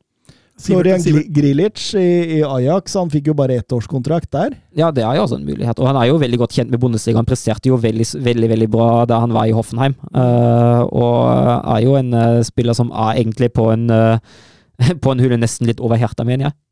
Og så er det jo en, eh, en type sånn, ja, sånn indreløper, skråstrek tier, som jeg har snakka mye om på Twitter. Martin Baturina i Dinamo Zagreb. En sånn 19-årig playmaker-type som, som, ser veldig eh, fin ut. Som jeg syns de kan vurdere i et sånt lag. Ja, det er fullt mulig, det. Men uh, det er litt sånn spørs om det ikke blir litt for offensivt med tanke på stabiliteten igjen, da, for Sandro Schwartz. Vi får se, vi får se. Hvis vi skal ta kanter, eller eh, altså de som, blir, som blir breddeholdere, mm. da. Luki Bakio, Richter, Ushon, Lee, Li, eh, Enzona, Ujuke og Malida. Ja, og Lukebakio han, han, var jo, han var jo ute i kulden, ble jo sendt på lån til Wolfsburg forrige sesong. Presterte ikke da heller, og var jo en som Hertha ville kvitte seg med før sesongen. Uh, han har jo vært den som har prestert best i Hertha så langt uh, denne høsten. her. Uh, 15 kamper, 7 mål og 1 assist i et lag som ligger på 15.-plass. Det er ikke dårlig, det. altså. Mm. Og Han har vært livsforsikringen til, uh, til Hertha, og uten ham hadde de ligget på direkte nedrykk. Det er ikke noe tvil om det. Mm. Det er brukbar kvalitet også i, i Joke og Richter. det er det er helt greit. Uh, Maolida og Li uh, er jeg litt mer usikker på. Uh, men hvis du, han Jon Li har stort sett vært skadet? Ja, han har vært skadet. Derfor, det er derfor jeg er usikker på ham. Og Maolida har, har ikke prestert i de få kampene han har spilt. Ryktes også at han har vært litt sånn litt sånn dårlig på trening i tillegg, så det har vært, det har vært litt Ja. Um, men, men, er det muligheter til å altså For eksempel en Jonathan Bamba, da, som er på utgående kontrakt i Lill. Er det muligheter for Hertha å hente han, Mats? Tror du, eller? eller blir det for høyt? Jeg tror det blir for høyt. Og så tror jeg liksom sånn Hertha nå, det er ikke så eksklusivt. da. Jeg tror ikke folk tenker at jeg skal videreutvikle meg i Hertha. Så å være sportsdirektør i Hertha tror jeg ikke er så lett. Så når dere sier at dere skal hente unge lovende. Jeg vet ikke hvor lett det er for Hertha å hente sånne typer. Nei, det må jo være, det må jo være i så fall billige spillere. og så må, er det jo spillere som må vise en klar perspektiv, mm. uh, en klar plan. Uh, man, må, man, kan ikke vinne på, på selveste klubben. Man kan ikke vinne uh, på de høye siste lønninger. prestasjonene. Man kan ikke vinne på høye lønninger. Her må man vinne på områder der de viser at har vi en klar plan med deg, vi vet hvor vi vil med deg. Og det er jo det som har, har vært fryktelig svak i hjertet siden Windhorst kom inn. Det med en klar plan, det med en uh, det, med, det med, en rød tråd, det har jo ikke vært der. Det har vært kaos. De sa dette her fullstendig feil, vet du. Og, og, nå sitter man igjen, da. Og, og hvis uh, Triple Seven Partners kommer inn og og, og, får frigjort litt penger, da, og så får kanskje skifta litt sånn mentaliteten i klubben ja. til at her skal vi nå gå litt i Dortmund, litt i Leipzig-fotsporene, liksom. Og det, det, skal jo også sies at det ryktes jo nå, når 777 nå skulle komme inn, uh, at de kommer ikke uh, til å la Hertha holde på som de har holdt på nå i det siste. At da mm. kommer det til å komme klare retningslinjer uh, på hva de ønsker å se for seg å stille av krav for. Også. Uten at det er noe mer hva det er, men det, det, ryktes litt at det går litt den veien. Og jeg, jeg tror egentlig klubben har litt godt av det, for det er liksom det som har mangla ganske voldsomt. Man har jo henta mye ræl med de penger som Vintost har satt inn også. Angripere, Kanga, Jovetic som går ut på kontrakt til sommeren, en Gangkam som stort sett er skada, en Selke hvor kontrakta går ut til sommeren, og en eh, en unggutt i, i Derry Sherhant. Ja, han, eh, han banker litt på døra nå. Mm. Eh, han har vist seg litt fram nå i oppkjøringa. så han, eh, kan, han har fått to kamper så langt den sesongen. Men uh, kan hende at man ser litt mer til ham, men han brukes jo mest topp på kant nå. Eh, han skal ikke inn i den sentrale spissrollen, han blir mer et alternativ på kant, i hvert fall så lenge Schwartz styrer den nå. Um, og så er det jo da, Det er jo da et problem ligger på spissplassen. Jovetic, ett mål, to assist. Kanga, to mål. Uh, Selke, ett mål, to assist. Det, det produseres altfor lite. Jeg trodde Selke var mye yngre enn 27. Ja, jeg tenkte. Fikk Så det, sånn- der, oi! Ja, men det, det er også en spiller som er ferdig når kontrakten går ut nå til sammen. Han uh, Piontek kan ikke komme tilbake og redde dem, han da. Nei, men Han har jo ikke prestert i klubben heller. Jeg kan ikke se for meg. Altså, han altså, altså sitter han på en skyhøy lønning. Ja. Uh, Hertha kommer til å gjøre alt de kan for å bli kvitt ham. Det er, det hadde ikke råd, han, de har ikke råd til å ha ham der engang. Men, Eh, men, men- men åpenbart så må de hente en nier, da. Ja, og det er det som de legger fokus på nå allerede nå, for det, er, det må de ha. Uh, Har du sett noen som har blitt linka inn? Mhm, mhm. Og Ok. det, det, jeg mener at det ikke er gode nyheter for Herta. De har sikta seg inn på Dennis Undaf Ja. uh, fra Brightons benk. Uh, en spiller som jeg mener fungerer best i et tospann. Ja. Uh, Hertha spiller 1-4-3-3, uh, så jeg kan ikke se Altså, få det med ham. Han, han er jo tysk. Han Han kommer på lån. Han kommer til å være ganske billig. Det er det jeg snakker om, at man henter han ut på lån. Um, det er ikke noe risiko økonomisk knyttet til det der, Nei. men jeg mener at det, det er sportslig er det en kjemperisiko. Uh, Undaf som en sånn mer sånn vandrende spiss med sånn helt gjennomsnittlige avslutningsferdigheter, selv om han har skåret mye i, uh, i Meppen og i uh, Jupiler League. Mm. Uh, jeg kan ikke helt se for meg at det er han uh, som Hertha trenger eh, på den plassen. Jeg kan ikke se for meg at han er en løsning. Og så spørs å sitte på de begrensede midlene som Hertha da har. Hva skal du gjøre? Hvem skal du hente inn? Eh, jeg har funnet én som jeg syns kan se litt spennende ut. Uh, Riktignok også en som skåra godt i Belgia. Uh, Mario Gonzales. Han spiller i OH Leuven. Er En 26 år gammel spanjol. Han eies av Braga, men er på lån. Uh, har spilt tolv kamper, skåret elleve mål og én assist. Uh, I et lag som Leuven er ikke det dårlige tall i det hele tatt. Eh, enda viktigere, Leuven spiller i en form for eh, 4-2-3-1. Han er vant til den rollen å være på topp alene. Eh, han har kontrakt med Braga til 2025. Nå aner jeg jo ikke hvilke uh, forbind, eller hvilke betingelser som er knyttet til det låneoppholdet der, men hvis jeg var Herta, hadde jeg prøvd å, å hente ham for de få pengene man har til rådighet. Uh, Transfermakt anslår ham på en markedsverdi til eh, fire millioner euro.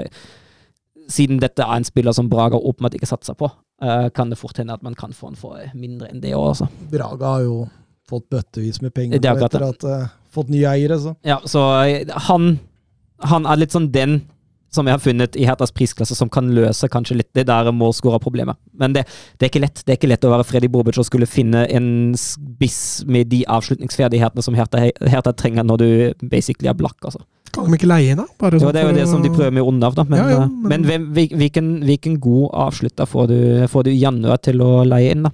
Prøv meg på Brocha, Chelsea. Mm. Ja, hvorfor ikke? Trenger spilletid. Chelsea er jo kjent for å leie ut, leie ut spillere. så. Ferran Jutkla. Ja, han bøtte jo inn mål i Belgia. Ja, han gjør det. Sant? Gjør det. Eh, nei, jeg, jeg sleit med å finne noen muligheter der. Jeg, altså, jeg, jeg var innom eh, Medi Taremi i Porto, fordi Mm. kontrakten hans går snart ut, og han har jo stort sett bare spilt i Liga Nos i Europa. Kanskje han har lyst på et nytt eventyr? Og når du begynner å tenke sånn, Ja, da, da, da skjønner du hva slags problemer Freddy Bobic står for, Ja. foran nå. Fordi jeg tror Taremi vil være mm, både én og to og tre hyller. Ja jeg, jeg kan ikke se for meg at han eh, også, også Han har fått vise seg litt fram i VM, og jeg kan ikke se for meg at Hjerte har en sjanse der, Også. Men um, hvor ender de til slutt? De ender der de står nå. De ender på 15.-plass. Ja, jeg har også satt og tenkte på det. Jeg kan jo hende de detter ned på kvaliken nå. Stuttgart mm. ligger jo bak dem, men Bochum og Schalke tror jeg ikke. Det, det tror jeg ikke de, de, tror ikke de tar seg igjen, nei. Um, Så det blir 15 eller 16. Tipper 15, ja. Da er jeg litt mer positiv, så sier jeg 13. Du har tro på Bobic? Nei, men det Ja, jeg har tro på at Sandro Svarts er en helt ok trener som vil få dette litt i system. Jeg syns den sentrale midten ser bra ut. Vi får en på plass, en som kan skåre litt mål. Eh, nei, jeg, jeg, jeg, klarer ikke å se at de rykker ned. Jeg klarer ikke det. Men eh, jo, du veit aldri med det. Hertha Berlin-laget. Altså, altså, det, det, er jo en klubb der. Det, det, må ryddes opp så utrolig mye i den klubben der. At, eh, herre min hatt, altså. Jørgen Nystuen Utfordringer til Thomas, Søren og Mats. Presenter hver deres nye Kvadraskela. En ingen har hørt om, men som kan komme til å slå igjennom i løpet av et par sesonger på den største scenen. Vi eh, prøver Mats først, vi. Ja, jeg sa jo til dere at jeg var litt uh var litt kynisk da jeg valgte en her. Eh, det er jo naturlig å falle på en offensiv spiller som uh, viser blendende kvalitet i, i ung alder, og jeg, jeg, jeg gikk for en bekk. Ja. Tenkte at på venstre bekk så er det ikke så mange store talenter, og, og litt større sjanse for å slå gjennom. Nåløyet der er jo ikke like stort. Uh, fant Valentin Barco i argentinske Bocca. Er den tredje yngste som har debutert for eh, Bocca Juniors. Eh, er en veldig moderne wingback-type. Eh, meget god venstrefot. Rask. Eh, god defensivt, men, men, først og fremst forskjell offensivt. Så kan jeg tenke meg at han kanskje passer inn i et, et system enten med wingbacker eller et lag som spiller med veldig offensive backer. Um, det jeg kan nevne om den, er at uh, City allerede har beilere på den. Ja. Uh, og skal visstnok også ha kommet ganske langt i forhold til det. Uh, City, som vi veit trenger backer. Nå skal det nevnes at jeg har ikke sett altfor mye av, av, Barco, men eh, at han, eh, at han kunne passa inn eventuelt snart i en sånn toppklubb, det har jeg absolutt troa på. City er jo en, en, klubb som dyrker offensive backer. Eh, jeg hadde jo også tatt den gladelig til Barcelona, hadde det ikke vært for at vi nå har Baldé der. Um, nevnte jeg at han bare var 18 år? Mm. Ja, det gjorde jeg. Uh, så jeg, jeg tror jeg lander på han. Deilig! Skal vi skrive dem opp på veggen vår? ja, det, det, må vi jo nesten. Ja. Søren? Ja, jeg har funnet en, eh, en venstrekant. Hvem hadde trodd? du, du, går i fotspora til Kvarasjkela? Ja, jeg, jeg, jeg, gjør det. Uh, Gianluca Perestiani, født 31.1.2006, som gjør ham 16 år nå. Argentinsk. Uh, spiller i Vélez. har debutert som yngste spiller noensinne for førstelaget til Vélez står per dags dato med fem offisielle kamper uh, og én assist. For førstelaget spiller for Argentinias U17-landslag. Uh, en spiller som har alle ferdigheter som trengs til å bli en stor, stor, stor kantspiller. Han, er, han, kan spille på nesten alle offensive posisjoner òg. Uh, men han foretrekker, eller best an å bli brukt som inside forward. Uh, altså han teknisk sterk. Uh, han, han, har, han, slår gode pasninger. Han er driblesterk. Han har lavt tyngdepunkt. Han er 1,66 høy. Uh, og han minner på veldig, veldig mange måter om Eden Azar. Oh. Og Real Madrid skal allerede være, være ute etter ham og observere ham uh, ganske kraftig. Og eh, veit ikke helt hvor lang tid det tar, med tanke på at han bare er 16. Uh, eh, men hvis han utvikler seg, som det forhåpentligvis skjer, da, så vil han komme, til, komme langt i Europa, altså. Det skal bli gøy å følge med på. Gøy. Jeg eh, Ja, når du dro en venstre kantspiller, så fant jeg en georgianer, ja, da vi skulle innom eh, nye Kvadraskela. Og, og, denne georgianeren er også tilhørende Kvadraskelas første klubb, Dynamo Tiblisi. Og det er Luka Pargatse.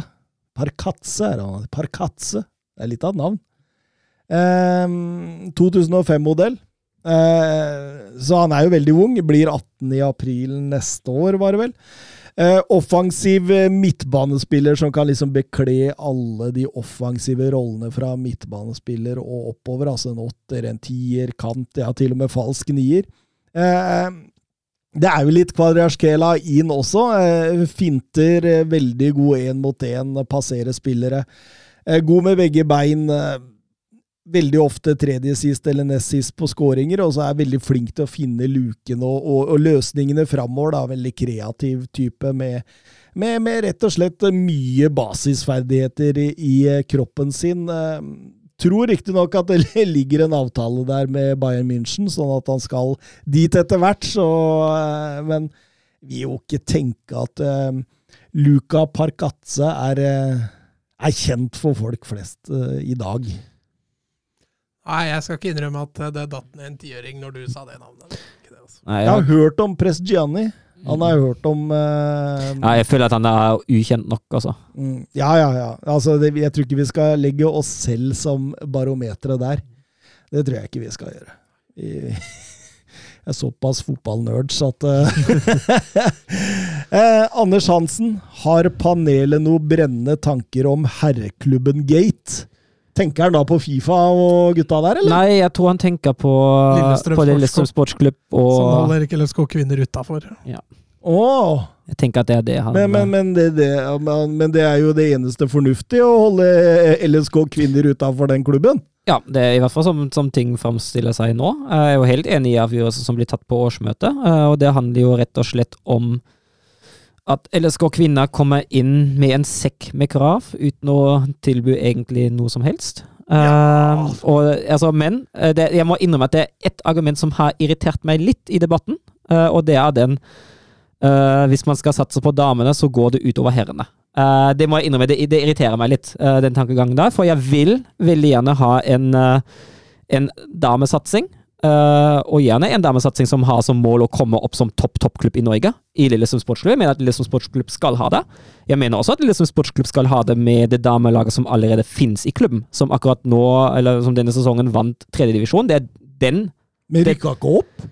Jeg vet ikke, det er en sånn omstrukturering i, ja. uh, i, på damesiden, så jeg er litt usikker på uh, om de nå fikk rykke opp eller ikke. Ja, Vi gjorde ikke det. Nei, uh, fordi det blir, det blir vel en utvidelse Nei, en forslankning av andredivisjon, hvis jeg ikke mm. tar feil. så det er det som sørger for. Men jeg mener at det er de damene og jentene man skal satse på. men så klart, det å satse det betyr å bruke litt penger. Mm. Uh, og da tenker jeg altså Så klart skal man sette av et budsjett for at, uh, at damelaget skal komme seg opp. Uh, altså det, det, må det være rom til i en klubb som LSK, at man bruker penger på det. Irriterer meg å si at nei, vi har, ikke, vi har ikke lyst til å bruke penger, det skal gå utover herrelaget. Det syns jeg, jeg, blir litt feil, da. Uh, jeg syns, skjønner veldig godt hvorfor man ikke lemmer inn LSK kvinner. Jeg er helt enig i avgjørelsen mm. der. Mm. Uh, det var en pakke, også økonomisk, som hadde vært helt krise for, ja, for det hadde ikke, hadde ikke funka. Det har ikke funka i det hele tatt, men at man, at man, skal ha et budsjett, og et fornuftig budsjett òg. og sørge for at, at jentene som er i klubben, kommer seg opp på toppnivå. Det mener, jeg, det mener jeg bestemt. Ja, for man kan ikke slå seg til ro med at, eller, at kvinnelaget i klubben spiller i tredjedivisjon. Nei.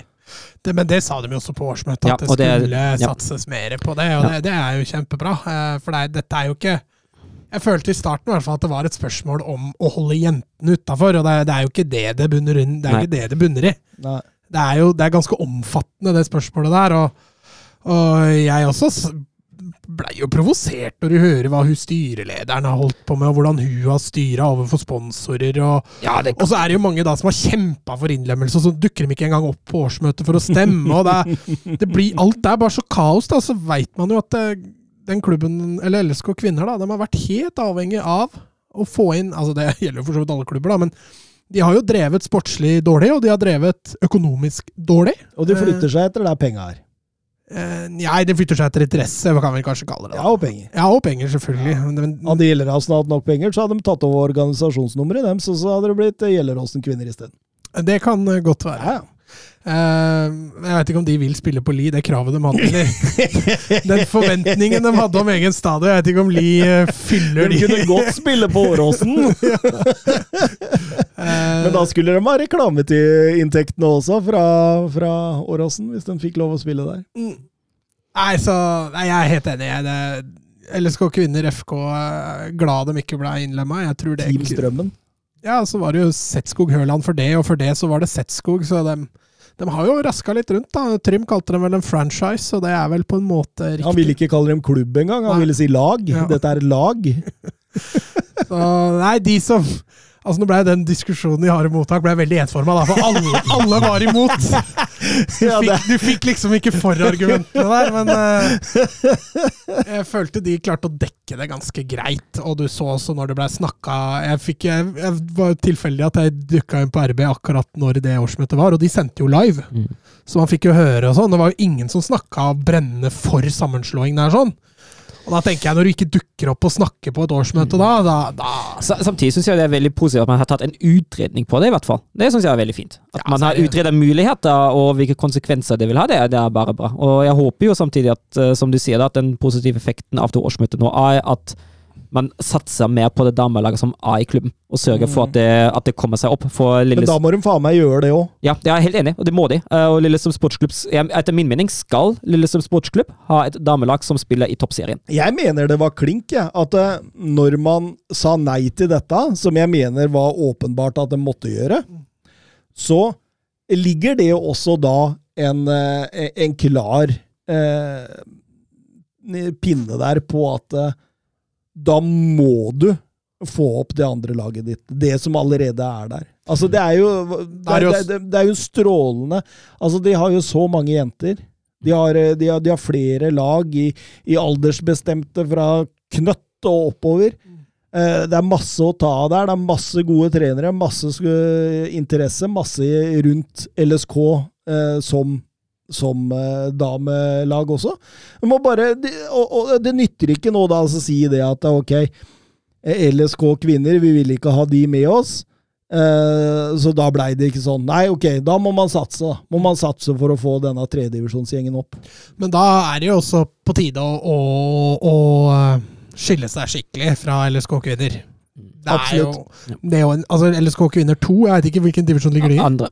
Ja, så hvis LSK, Eller, ja. hvis LSK Forrige sesong i hvert fall. Jeg vet ikke hvordan det gikk med dem i andre, men de var i ja, så. Hvis de rykker opp, så havner de altså i samme divisjon som LSK kvinner 2. Mm. Så det er vel greit. Er det ikke lest en tweet om at uh, Ullkisa FK kvinner kunne være en eh, grei neste stopp? Ja, en nomade, vet du. Flyr rundt som en annen. Eh, Anders Hansen spør også, har panelet nå- Nei, eh, hvilken klubb ville hyppig sparke managere? Watford eller et Wolfsburg med Stø Søren Døpken som styreleder? Nei, altså, hvis jeg hadde vært styreleder Altså, jeg hadde jo Grunn til at Han har ansatt så bra, han Ja, han Ja, men- på Det er bare altså. sparka én gang for den jeg hadde, neste. jeg, hadde jo, jeg hadde jo ansatt en trener som jeg sjøl hadde likt. Det er jo litt sånn det, det, er liksom det det går. Jeg var jo kjempefornøyd med Oliver Glasner. Jeg synes jo han var, han var altså, Ikke alltid. Nei, men det, det, var, det, var, det, var, det var ikke på et nivå der jeg sa han må vekk. Eh, Det kan fint kritisere altså det, Jeg kan fint kritisere Geir Bakke òg, men det er ikke på et nivå der jeg sier at Geir Bakke skal gå. eh, På Nei, det gjør han definitivt ikke lenger, for han fikk ny treårsperiode. Ja, ja, og det, og det, og det, det Greit nok. Eh, Jeg, har ikke, altså, jeg, jeg ser jo at det gjøres en god jobb òg, men det betyr ikke at man ikke kan kritisere enkelte ting og ting man blir litt lei av. Eh, Det er greit nok, men Ikke Kovac-fotballen har du ikke blitt helt frelst av ennå, i hvert fall. Nei, altså, nå, nå går det jo Nå er jo resultatene såpass bra, og til tider ser det jo bra ut. Altså Toppnivået uh, er jo ikke så dårlig, det. Uh, problemet er hvor ofte man da avleverer det toppnivået. Men det er jo litt det at man Problemet er jo når man, når man sparker en udugelig trener, så kommer en udugelig trener inn. Så har man ikke forbedret seg. Uh, Ref van Bommel K-felt. Eh, det er jo bare samme miljø om igjen. Uh, og klart Kovac er et steg opp fra dem. Um, men det handler ikke nødvendigvis om å sparke, det handler om å ansette riktig, tenker jeg. Og der hadde du gjort det. Ja, Det veit jo ikke deg, men uh, ja, Altså, jeg kan jo si hvi- Hvis jeg hadde fått styre, hadde jo jeg ansatt en trener som jeg hadde vært i utgangspunktet fornøyd med. Så hadde dere sittet i en annen, eh, i en annen podkast podcast og, slakta Ja, helt deg. sikkert. 100% Sånn er mekanismene, Ja. Mats Girranvold. Sånn er det. Ja, jeg hadde sparka mange jeg i Barcelona hvis jeg hadde fått lov å styre og stelle. Åssen er det forresten med deg og neste sesong i Gjelleråsen? Nei, det er ikke noe bestemt ennå. Nå ble det jo akkurat ny trener klar i går, eller noe sånt. Så Ja. får vi se hva han, hva han ønsker. Ja, spennende. Hvis jeg blir med videre, så er det jo som assistent, og da kan jo ikke jeg eh, Jeg bestemmer jo ikke det sjøl, mener jeg. Nei, du gjør ikke det? Nei, nei. Han Nei. må få lov å bestemme det, han som skal styre dette. Ja. Nei, men da får du eh, sende noen blomster og noen koder. Jeg får plassere meg nære mulig, så jeg får slikka litt i hvem blei han nye treneren? Åmli, heter han. Åmli? Hva er det han har gjort før? Han kom fra assistenttrenerjobb i Egersund. Ja. Flytta litt på seg, han altså. Eh, ja, det må han jo da ha gjort, ja. Det er helt riktig. Jeg regner med han ikke skal pendle i- fra Egersund, så det, det kan bli tøft. den kan bli slitsom. Nei, men Strålende, det, gutter. Da ses vi igjen eh, neste uke en gang. Ja, det gjør vi. Mhm. Så sier vi adjø. Adjø. Ha det.